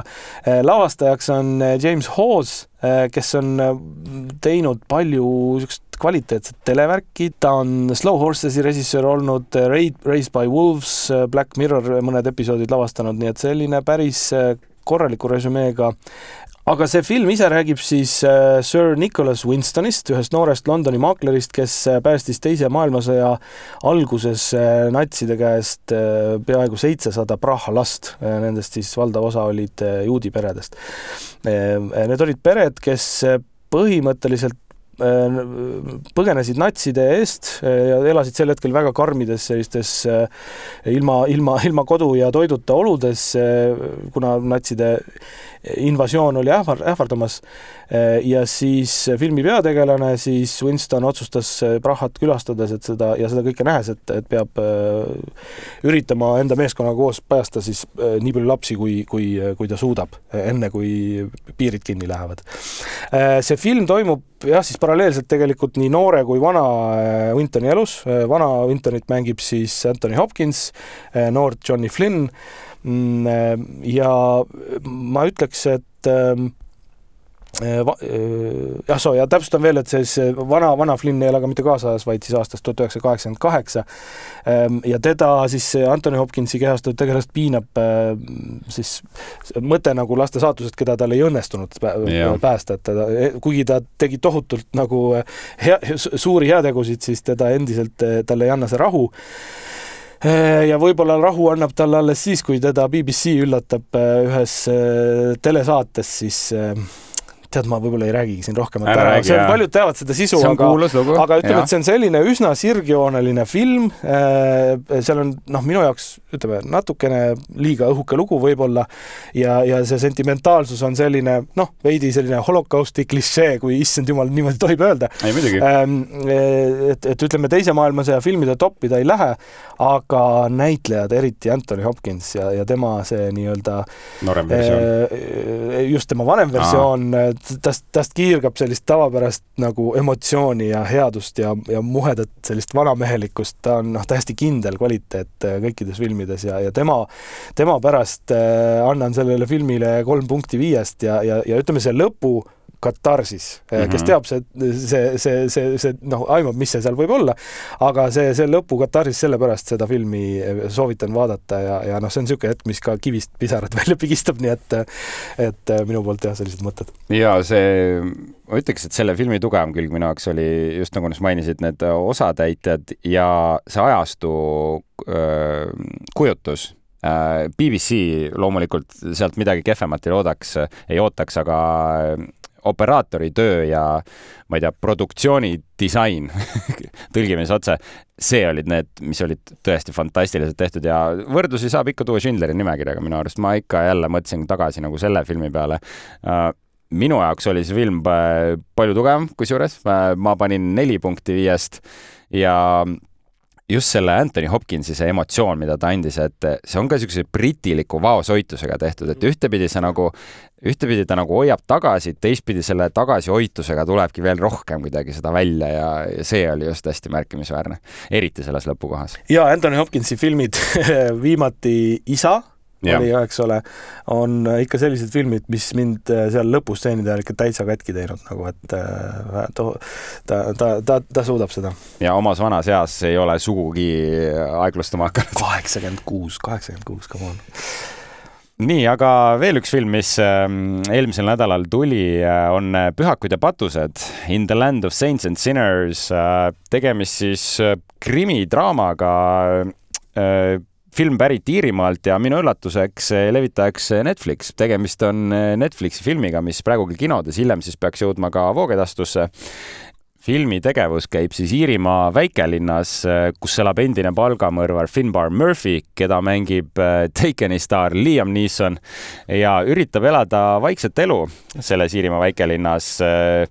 Kuid tehes ikkagi selliseid tööotsi oma eelmisest elust ehk äh, aitab seal kohalikul maffial mingitest inimestest vabaneda, kuid äh, noh, varjab seda kõigi teiste eest ja tegelikult tunneb ka selliseid süümepiinu oma endise elu osas, et no mängib jälle sellist karakterit, nagu me oleme mõnes mõttes harjunud nägema Liam Neesonilt, ta on mingisugune eriüksuslane või, või kuskilt äh, kaitseväest pärit, teinud kõvasid tegusid aga siin, siinkohal siis äh, tunduvalt realistlikumas äh, atmosfääris ja filmi tegevus hakkabki siis lahti rulluma siis, kui linna ilmuvad IRA võitlejad, kes äh, põhimõtteliselt keeravad ühe töövussi ja otsustavad selles linnas peituda ja samal ajal uusi plaane tegema hakata. ma nagu rohkem infot ei taha anda, see on ka selle filmi võlu seal teada saada, mis juhtuma hakkab ja kui Finbar Murphy siis astubki oma linna kaitseks välja, see on siis kogu see nagu katarsis, mis, mis seda filmi juhtima hakkab. filmi lavastajaks äh, Robert Lawrence ja kaasa teevad peale Liam Neesoni veel Kerry Condon, Kieran Hines, Jack Gleason ja paljud teised äh, Briti näitlejad, keda kusjuures mees ka, kes mängib ühte maffiabossi, meenus mulle sellisest filmist nagu Alaska ähm,, Mystery Alaska. Alaska Forever. peaaegu ütlesin Alaska Forever kusjuures ähm,. ja no nüüd lõpuks ometi on Liam Neesonilt tulnud üks film, mille vääriline ta ka on ja ma pean mainima, et äh, mul oli raske seda filmi alguses tõsiselt võtta, sest ma olen harjunud teda nägema have a very special set of skills, eks ole, vormis. ja kui siin ei tule seda kohta ja ta tõesti nagu realistlikult ja täitsa nagu aeglaselt lahti rulluvas filmis justkui seda märulit hakkab tegema, siis see mõjub nii värskendavalt ja nii kuidagi ülestõstvalt, et äh, selles filmis on palju elemente Initiarini hingedest, ma usun, et sul ka äh, tekkisid seal äh, mõned nagu paralleelid. Aga jaa, Liam, e, e, minu lemmikosad selles filmis olid ikkagi Liam Neesoni ja Kieran Hinesi vahelised vestlused, mis olid noh, tõsi, need nagu ei olnud nii sügavad, aga need kuidagi jutustasid sellisel kergel viisil seda filmi. jaa, no vanad sõbrad rääkisid jah, ja väga hästi paistab silma siin filmis ka Jack Gleason, kes mängib niisugust noort maffia hakatist, kes on siis Liam Neesoni tegelase niisugune sabarak siin ja Jack Gleason on siis poiss, kes mängis jällegi troonide mängus äh, Joffrit ehk siis äh, teleajaloos üks vihatumaid tegelasi üldse. ja, ja siin äh, noh, ei saa öelda, et ta niisugust puhast poissi mängib, eks ole, ja siin ta on ka selline hall tegelane aga jah, mis selle filmi nagu tugev koht on, et äh, kõik karakterid on äh, väga hästi lahti kirjutatud, isegi võib-olla mitte nii sügavalt lahti kirjutatud, aga sa elad kaasa neile kõigile. et olgu see isegi väiksema tähtsusega tegelane, sa tunned selle linna või selle külakese heaolule kaasa mis, mis oli see, mis käima tõmbas, aga ma olen nii palju rääkinud. Äh, ja tead, aga räägi, räägi, sest et sinu rääkimise peale ma üldse seda filmi vaatama läksin mm.. Äh, sest et äh, ma ütlen ausalt, et Liam Neesoni need viimaste aastate filmid, need tavatsevad minust nagu niimoodi sujuvalt mm. mööda minna. ja ütleme, ka see film oli üks nendest, millele ma eriti palju tähelepanu ei pööranudki kuni selle hetkeni, kuni sa käisid pressilinastusel ja tulid ja ütlesid, et ohoh, et ma läksin seda vaatama ja see, noh, tõesti midagi muud. ma ütleks, et see on selline modernne Iiri western mm, -hmm. sellele žanrile on seal viiteid nagu kamaluga igasugused ütleme, Iiri maastikud, muusika muuseas täiesti selline vesternilik ägeda auraga, üllatavalt palju parem, kui oleks võinud oodata, et äh, mul on ka väga hea meel, et, et Pühakud ja patused äh, nüüd on äh, Liam Neesonil selline nii-öelda comeback film, sest et ütleme, tema sellise tavalise action'i fännid võivad olla natuke pettunud, et see on aeglasem, kui nad ootasid ja seal ei ole niivõrd sellist toorest vägivalda. aga see ei ole selle filmi nagu peamine ta point. sõidabki seal nagu kahe vahel minu arust, ta on nagu just, veidi seal ja, nagu märulis, aga ta on ka väärt filmi austajate film. et ma, ma ütleks väga hea tasakaal, muuseas see Robert Lawrence, ta ei ole väga palju lavastanud, aga ta on olnud viimased kaks aastakümmet Clint Eastwoodi filmide produtsent. nii et äh, mulle tundub, et ta on selle asja kõrvalt nagu äh, õppinud äh, päris meisterlikult tunnetama sellist filmimaagiat. ja jällegi, täitsa juhuslikult vaatasin, Liam Neeson seitsekümmend üks ei ütleks. ei ütleks, on ju Ehm, aga jaa, sellele filmile mina panin tugevad äh, neli viiest. täpselt sama, neli viiest minult ka, et äh, ma, ma ütleks, et äh, mul selle aasta seni nähtutest üks tugevamaid filmielamusi ja, ja ma arvan, et sellesama hooga võime ka järgmise filmi juurde minna, mis on Vaesekesed. Ja rääkides väga-väga vingetest filmielamustest, Vaesekesed, Poor Things, ähm, siis Kreeka hullugeeniuse Jorgos Lantimuse film Äh, ta, minu esimene tutvus temaga oli niisuguse filmiga nagu Dogtooth ehk Koerahammas aastal kaks tuhat üheksa. Äh, pärast seda on ta veel teinud Lobster ja Püha hirve tapmine ja siis mõned, issand, juba neli, viis, kuus aastat tagasi ka äh, Favorite ehk Soosik, millega ma arvan, et nii päris nagu peavoolu filmimaailmasse sisse hüppas täielikult mm. -hmm. aga vaesekeste peaosas siis Emma Stone, Mark Ruffalo, William Defoe Ehm, eh, millest see film räägib, issand, millest see film räägib ma ei tea, ma ootan huviga, kuidas sa seda filmi minu, tutvustad. minu kogemus on see, et eh, see, selle filmi sisust rääkimisega võib nagu hirmutada mõned inimesed ära yeah. seda filmi mitte vaatama, sellepärast ma nagu pean ka kuidagi nagu no ühesõnaga Emma Stone mängib peategelast ehm, see on selline täiesti ogaralt ainulaadne, kergelt Frankensteinilik lugu äh, Äh, siis jah, Emma Stone'i mängitud sellisest bravuurikast Bella Baxterist ja tema fantastilisest eneseleidmise teekonnast. ma panin kohe omale kirja niisuguse lause. ja ma, noh, ma ei tahaks tegelikult väga rääkida rohkem, aga vist ma ei tea, kas seda nagu twist või mitte twisti, vaid siis seda nagu, kuidas see film algab, kas see on no, spoiler? ei, see ei ole tegelikult päriselt spoiler, sest sellest on ikkagi palju räägitud, aga põhimõtteliselt see film on see, et see Bella Baxter filmi alguses on, on nagu, nagu väike laps äh, naise kehas. Ja ta tohutu tempoga õpib, omandab kogemusi, õpib rääkima, õpib elama, õpib äh, reegleid äh, ma ütleks eirama, sest ja. et ta, ta, tal ei ole neid, neid ühiskonna mingisuguseid raame Kompleks, ümber, tal ja. ei ole komplekse, ta, ta teeb asju nii, nagu talle tundub õige. ja, ja lõpuks äh, temast saab täisväärtuslik naine ja, ja ma arvan, et see film räägib palju rohkem sõnumeid, kui, kui see lugu tegelikult endast nagu tunda annab, sest et äh, jah, selline äh, ütleme nii, et ta, ta oma valge lehe joonistab ikkagi äh, ilma igasuguse reeglite ja raamideta täiesti kirjult täis ja, ja ja kus see, kui sa ütleks, kus see nagu filmi tegevus toimub, siis tundub, et ta on nagu kuskil seal mingites kümnendites, mingites, ma ei tea, nelja kuni mingi viiekümnendate kuskil vahel, mis toimub niisuguses steampunk fantaasia ja, ja, ja. maailmas, kus William Defoe, kes on selle Bella Baxteri justkui nagu niisugune isakuju, kes on siis nagu Frankensteini, kes on nagu Frankenstein, jah, või, või Frankensteini koletis, sorry.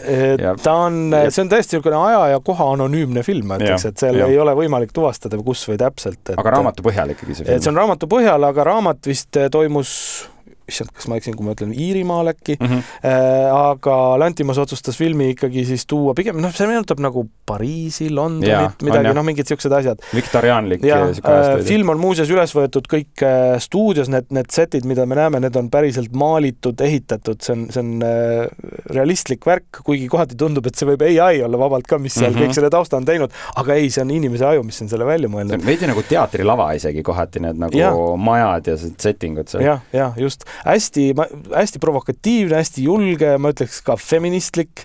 ja esilinastus eelmise aasta Veneetsia filmifestivalil, võitis sealt kuldlõvi, ma ennustan, et Oscaritelt saab nii, nii mõnegi kuldmehikese ka.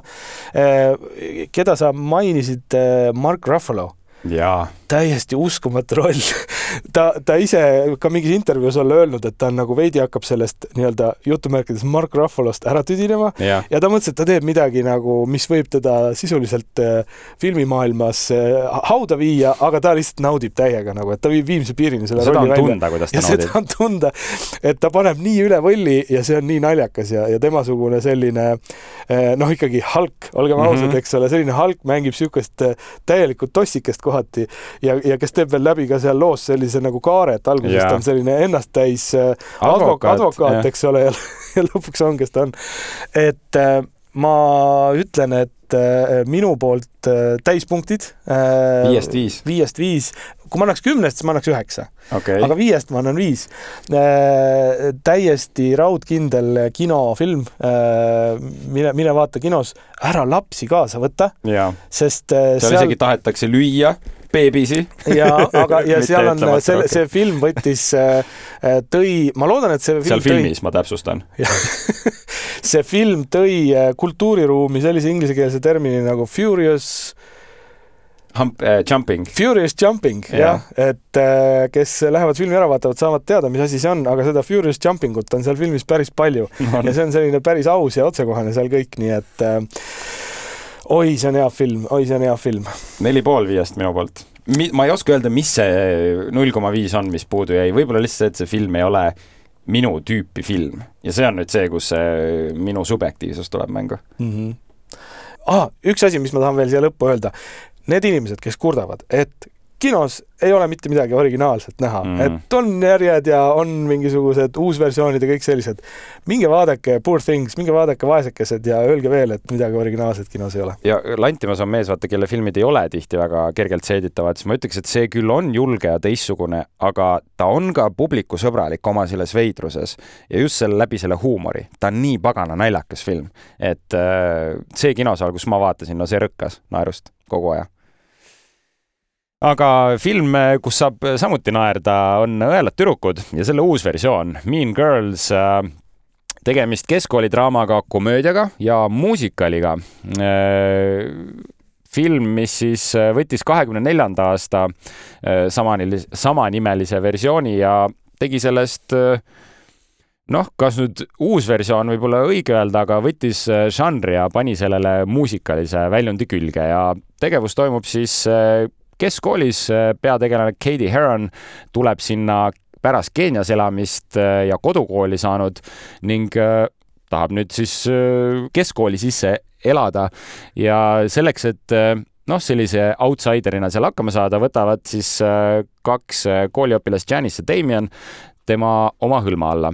Ja keskkoolis käib aga kurjuse kehastus Regina George, kes on selle kooli kõige populaarsem äh, tüdruk ja kellel on oma pande, keda kutsutakse siis plastikuteks ja põhimõtteliselt kelle hirmuvalitsuse all kogu kool äh, elab siis.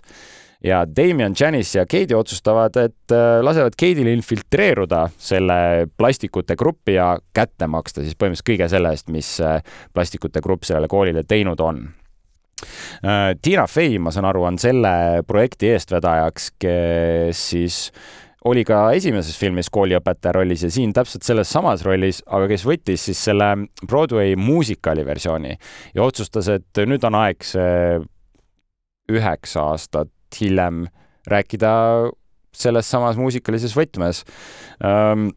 filmis teevad kaasa peale Tiina Fey veel Angery Rice, äh, kes mängib siis peategelast Katie Heronit, tüdruk, kes äh, Spider-man'i äh, Marveli filmides oli üks nendest uudisankrutest, õpilasuudise nagu nendest saatejuhtidest, keda mina esimest korda seal tähele panin, aga samuti veel Rene Rapp, Auli Carvalho, Jaquel Spivey, Jenna Fisher Office'ist, Tim Meadows ja paljud teised filmi lavastajateks Samantha Jane ja Arturo Perez kui nüüd selle filmi äh, arvustamise juurde minna, äh, ma ausalt öeldes ei ole täiesti kindel, miks see film tehti, selles mõttes, et mul oli, mul oli väga lõbus seda filmi kinos vaadata, aga ma vaatasin ka vana versiooni ära Need on no ikka täiesti üks-ühele filmid, kui lihtsalt see, et meil on uued näitlejad ja rohkem muusikat.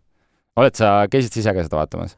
Ei, ei käinud, mul, põhjus, miks ma ei läinud uut vaatama, on see, et ma ei ole ka vana näinud ja mm. siis ma mõtlesin, et ma pean enne vana ära vaatama, et minna uut vaatama. ma vaatasin teistpidi. sa vaatasid teistpidi, mis ja. on ka väga põnev selle asja juures, aga, aga minu arust on jah, kuidagi see, see mööda, mööda läinud. see film minu teada oli tehtud eeskätt Paramount plussi nagu voogedastuskanali jaoks.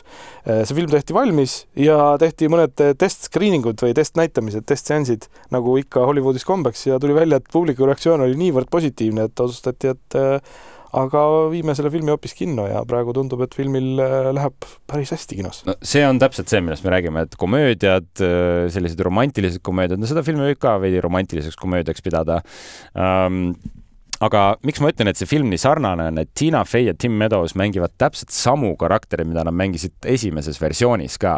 kuigi see film ei ole järg, eks ole, aga see on ka juba niisugune, et okei okay,, et aga palju seal siis, siis, palju siis nagu sisust kattub nende kahe no, filmi? sisu on äh, ka põhimõtteliselt üks-ühele ah,. okei okay,, lihtsalt et, teises äh, ajas toimub, eks ole. jah, jah, jah, ainult et äh, nüüd selles uues versioonis nad on koos, nad on paar, Tina Fey ja Tim Meadowsi karakter nagu õpetajad omavahel.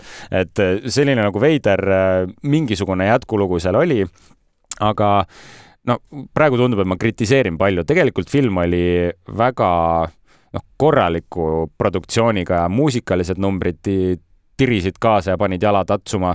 üldse väga energiline film, mis algusest lõpuni hoidis mu tähelepanu Äh, eriti naljakas selle filmi puhul oli Karen Shetty äh, karakter, keda mängis siis näitleja sellise artisti nimega nagu Avantika. Ja ta mängib seal seda põmbeat karakterit nagu see nii-öelda, kes ei, kes ei ole kõige targem. Ja ta pani pika puuga kõigile teistele oma rolli sooritusega ära, palju parem kui Amanda Seyfriedi esitus selles algses versioonis, ma peaks ütlema. iga kord, kui ta ekraanile tuli, ma juba naersin, isegi kui ta midagi naljakat veel öelnud ei olnud, tuli tal fantastiliselt välja mm,. mida veel see uus versioon paremini tegi kui originaal, on äh, peategelane Katie Heron äh, Andrew Rice'i soorituses. et äh, algses versioonis Lindsay Lohan mängis seda karakterit, tema puhul tuleb kohe mängu see, noh, mul on nagu raske uskuda, et ta on justkui selline nohik või selline outcast, et Lindsay on äh, noh, tema välimus, tema olek on selline nagu staar, et ta on nagu kohe juba selle, sobib sinna plastikutesse, et see Andrew Rice, tema on täpselt selline, kellel on kuidagi seda inglise keeles range või noh, seda mm -hmm. lubasime, et me ei räägi küll ingliskeelsete väljenditega, aga tead, vahel jääd hätta. et ähm, aga originaali täiesti ületamatu tipp on ikkagi Regina George, Rachel McAdamsi äh, soorituses, et äh, uues versioonis mängib teda tüdruk, kes nagu välimuselt sobib väga hästi niisugust tõelat tüdrukut mängima, aga mis Rachel McAdamsi juures hea on just see, et ta ta pealtnäha on selline mm, armas tüdruk ja kui ta siis muutub selleks kurjaks, siis see muutus on nii palju tugevam ja sa kuidagi tunned, et sa hakkad teda palju rohkem vihkama, et selles uues versioonis kõik on justkui nagu seal pinna peal. Rachel McAdamsi oma tunned, sealt pinna alt nagu tuleb seda rohkem esile. et äh, kokkuvõttes jah, ma ütleks, et film, mille, mm, mille, mida vaadates nagu ma olen rahul, et ma käisin seda vaatamas, aga mitte midagi ei juhtu, kui ma ei oleks seda vaatamas käinud ähm, niisuguse woke aspekti osas ma ütleks, et oli see film väga hea stiilinäide, et äh, see on seda tüüpi film, kus võib-olla ütleks Sex Education on sari, mille osas mul tekkis palju niisuguseid visuaalseid ja sisulisi samastumisi ka selle filmiga, et äh, tihtipeale sellised filmid on, muutuvad väga niisugust jutlust pidavaks, et nüüd meil on vaja stereo nagu just need antistereotüüpsed äh, esile tõsta, hästi woke, hästi niisugune poliitiliselt korrektne olla. siin filmis oli seda kõike aga nad tegid seda nii loomulikult. ja see ei tundunud üldse nagu selliselt kuidagi rõhuvalt, see tunnetus oli siin väga hästi paigas ja sellest tulenevalt äh, kolm ja pool viiest. täiesti selline üle keskmise tore vaatamine, aga mitte midagi noh, vau-efekti ei olnud. ja mul on tunne, olles kuulnud teiste, mõndade teiste muusikali fännide tagasisidet, siis see on selline, et kui sa oled muusikali fänn, siis mine vaata seda, et ta pidi mm -hmm. ikkagi väga sihuke äh, mõnusalt vaadatav film olema, et äh, ja, ja muusika, mis pärineb siis ka siis äh, Broadway Just. lavalaudadelt, väga kõva ja, ja selle filmi, ma ütlen, lemmikstseen oli äh, see kodupidu, esimene kodupidu, mis selle Katie Heroni juures toimus, see oli, siis ma tundsin, et see film nagu lahvatas korraks väga heaks minu jaoks. Mm.. kuule, sa igatahes nagu müüsid mulle juba natuke maha, ma pean ikka selle originaali üles otsima ja vaatama. kindlasti tee seda. aga eh, üks film veel, millest me räägime ja endalegi veidi üllatuseks räägime Keit Valdoonil Woody Alleni uuest äh, filmist, tema seni, seni viimasest, mis on tema viiekümne esimene film yes,. samas tema mitte, tema esimene mitte inglisekeelne film, et isegi kõik filmid, mis on toimunud tal, ma ei tea, Pariisis ja Barcelonas on olnud inglise keeles.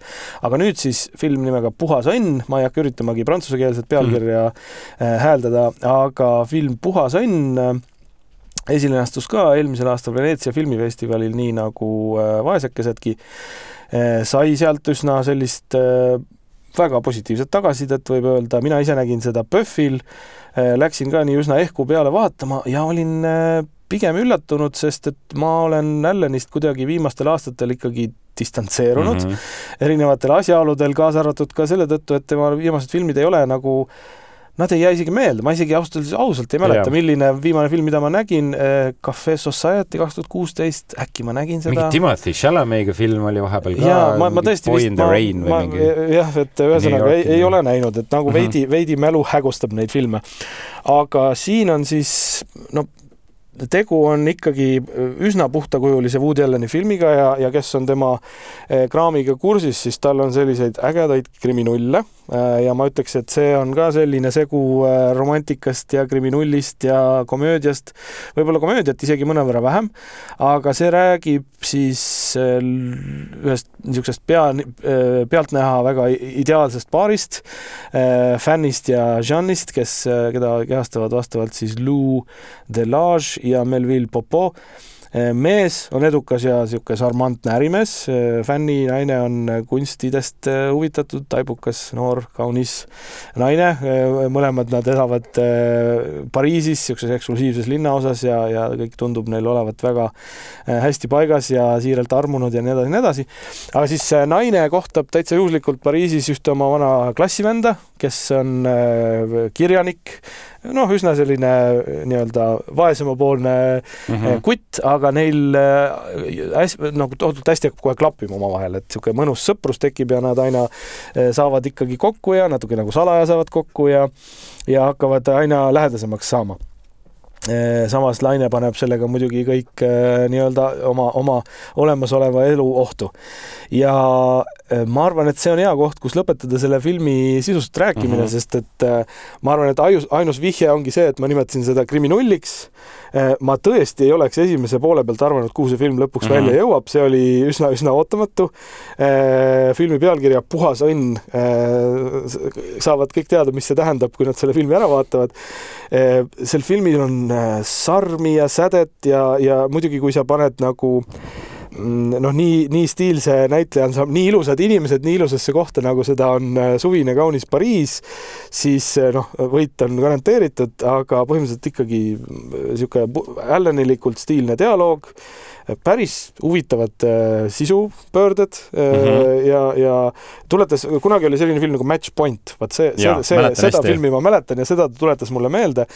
Nii et, et, et ma pean ütlema jah, et ta ei ole kindlasti Woody Alleni parimate teoste hulka käiv, minu jaoks Annie Hall ikkagi on noh, ma arvan, minu mingi top viis filmide seast tõenäoliselt täiesti nagu ma, ma jumaldan seda.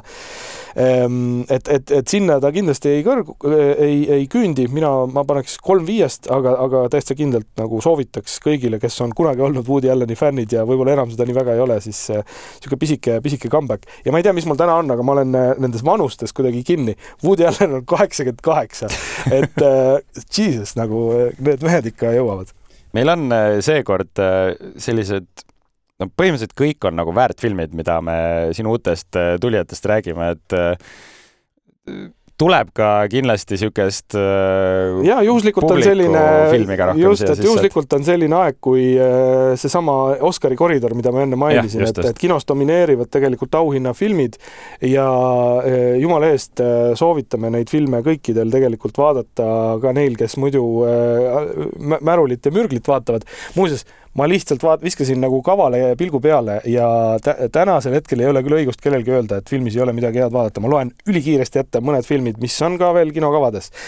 Kaurismägi, Langenud lehed, Tõotatud maa, maad Mats Mikkelseniga pealosas. Win, Wim Wendersi Täiuslikud päevad, Taika Waititi Järgmine värav võidab Anna Hintsi, Savusõna sõsarad, endiselt kinos, endiselt kinos vaadata. Wonka Timothy Chalamega, Miyazaki animatsioon Poiss ja haigur, mis sai täna Oscari nommi. Oppenheimer, Barbi, Unenäo stsenaarium, Nicolas Cage'i suurepärane film ja muidugi imeline Eelmised elud. nii et täiesti nagu super valik, väga häid filme, pluss kõike muud. jumala eest, minge kinno Lähme nüüd ühe niisuguse uudse asja juurde, mida me nagu testime ja vaatame, kuidas see meile nagu nalja pakub, aga selle nimeks on filmiklassika kodutöö natuke alguses rääkisime, et äh, nii minul ja Siimul kui ka teistel filmifännidel on äh, tihti neid niisuguseid piinlikke lünkasid filmiklassikas ja see on see koht, kus me hakkame kordamööda teineteisele andma ühe filmiklassika, mida nad, mida siis kumbki meist või üks meist ei ole näinud, et ta järgmine kord seda arvustaks. ja nagu loosiratas naeratas, siis Siim saab mõelda mulle välja selle filmi, mida ma järgmiseks korraks pean ära vaatama ja siis mina saan värskete silmadega sellele oma, ma ei tea, ma ütleks, et me võib-olla ei arvusta nii täpselt seda, aga anda mingisugused esmased emotsioonid, kas film oli hea või mitte. no ma ütlen, enamus need äh, klassikud, mida me kumbki äh, üliausalt üles mm -hmm. loetlesime, mida me näinud ei ole, et seal on tegelikult päris niisugused kõvad filmid ähm,. Äh, täna loetlesin varem üles need Sundance'i lemmikuid ja siis avastasin, et nende lemmikute seas oli niisugune film nagu Before Sunrise. ja siis ma avastasin, et sinu listis on selline film nagu Before Sunrise ja lausa kogu triloogia, mis on sul seni nägemata, issand jumal, Richard. mul on Before võta, triloogia nägemata. võta oma kaasa ja ava Apple pluss, kus ma kontrollisin, et see on seal olemas, sa saad selle sealt äh, võtta. Äh, äh, algatuseks vaata ära esimene osa, sul raudselt tekib isu vaadata ka teist ja kolmandat, sest need on sellise triloogia, kus siis samad tegelased siis, see oli vist üheksa aastat oli see vahe. ja iga filmi vahel iga filmi vahel on üheksa aastat mm -hmm. ja nad on oma eluga jõudnud täiesti teise kohta siis teiseks ja kolmandaks eluks. vabandust, osaks. Mm -hmm. aga võta kõigepealt ette esimene osa, minu jaoks oli see täiesti pöördeline hetk minu äh, tundeelus. Äh, ja, ja pisike, lihtne, äge ja Sundance'il esimene astunud äh, film kusjuures meil on täna date night äh, naisega ja ma ütlesin, et äh, kas sa oled juhuslikult näinud Before triloogia filme, ta ütles, et kunagi ammu vist, aga võime vaadata. Ah,. Läheb käiku nii et täna õhtul äh, vaatamegi seda. Ja järgmine kord siis saan oma arvamuse anda ja ähm, või noh, proovidagi rääkida nagu tänapäevaste silmade läbi, kuidas siis see nagu noh, tegelikult see on võib-olla uuem filmiklassika, eks ole. teinekord ma võib-olla mul, ma sulle annan järgmine kord mingisuguse tuulest viidud või mingi sellise ja, ja siis, siis saab seda, tegelikult ei tea, kas päris neljatunnist filmi sulle esimese esimeseks korraks, kui annaks, aga. oled nüüd ikka hea minu vastu, aga Before Sunrise on tõesti juba üheksateist, ei, mis asja, kakskümmend üheksa aastat vana film. Äh, nii et äh, jah, tõesti äh, nüüd ongi meil ainult üks asi veel üle jäänud ja see on natuke õrritada, mis, mis meid järgmisel nädalal ees ootab, mis filmidest me rääkima hakkame lisaks kõigele muule, millest me räägime, üritame me üle käia kindlasti ka uutest filmidest, millest esimene on Ferrari, äh, Michael Manni äh, viimane film, mis räägib siis Enzo Ferrarist, keda kehastab Adam Driver ja mängib veel ka Penelope Cruz räägime filmist The Holdovers, mahajäänud, ka vist film, mida me käisime vist samal seansil PÖFFil äh, vaatamas, istusime küll seekord erinevates ridades. jaa, Alexander Payne'i uus film ja Paul Giamattiga peaosas sai. kes sai just nomi. just, päris mitu. ja siis Martti Helde dokumentaal Eesti metsadest ja eestlastest kui metsarahvast Varaküps täpselt nii ja vaatame, võib-olla kui teinekord tahame, paneme siia ka mingisuguseid äh, voogedastuse filme juurde, aga jällegi vaata, järgmine nädal on ka rohkem niisugune, ütleks niisugune väärtfilmide nädal, et äh, need, kellele meeldivad need suured kassahitid, siis ärge kartke, me kindlasti räägime nendest filmidest, mingi paar nädalat läheb aega ja siis hakkab tulema ka neid filme, et ma tean, Argyle on äh, vist teisel veebruaril tulemas ja, ja ei, ei tule sellest ka puudust. ja pikk, pikk popkorni suvi on ka ees jah, aga esimese osa kohta ma ütlen, me läksime mõnusalt üle aja. Äh, ma arvan, et järgmiseks korraks me noh, tõmbame asjad kompaktsemaks, räägime natuke kiiremini, aga ja ütleks nii, et esimese lennu kohta päris mõnus ju ja mina olen, ma, ma ei anna mingeid lubadusi siin mingist kokkutõmbamisest, mul ikka hakkab jutt lippama, siis tuleb. siis tuleb. no nii, Richard, selline oli siis äh, Filmania ajalooline esimene episood ja, ja meid saab kuulata mitmest erinevast kohast, loomulikult Jupiterist, saab ka Eesti Raadio äpist ja Spotify'st nii et kust vähegi mugavam on, sealt kuula ja Filmania selleks korraks lõpetab. ja, ja kinosaalis näeme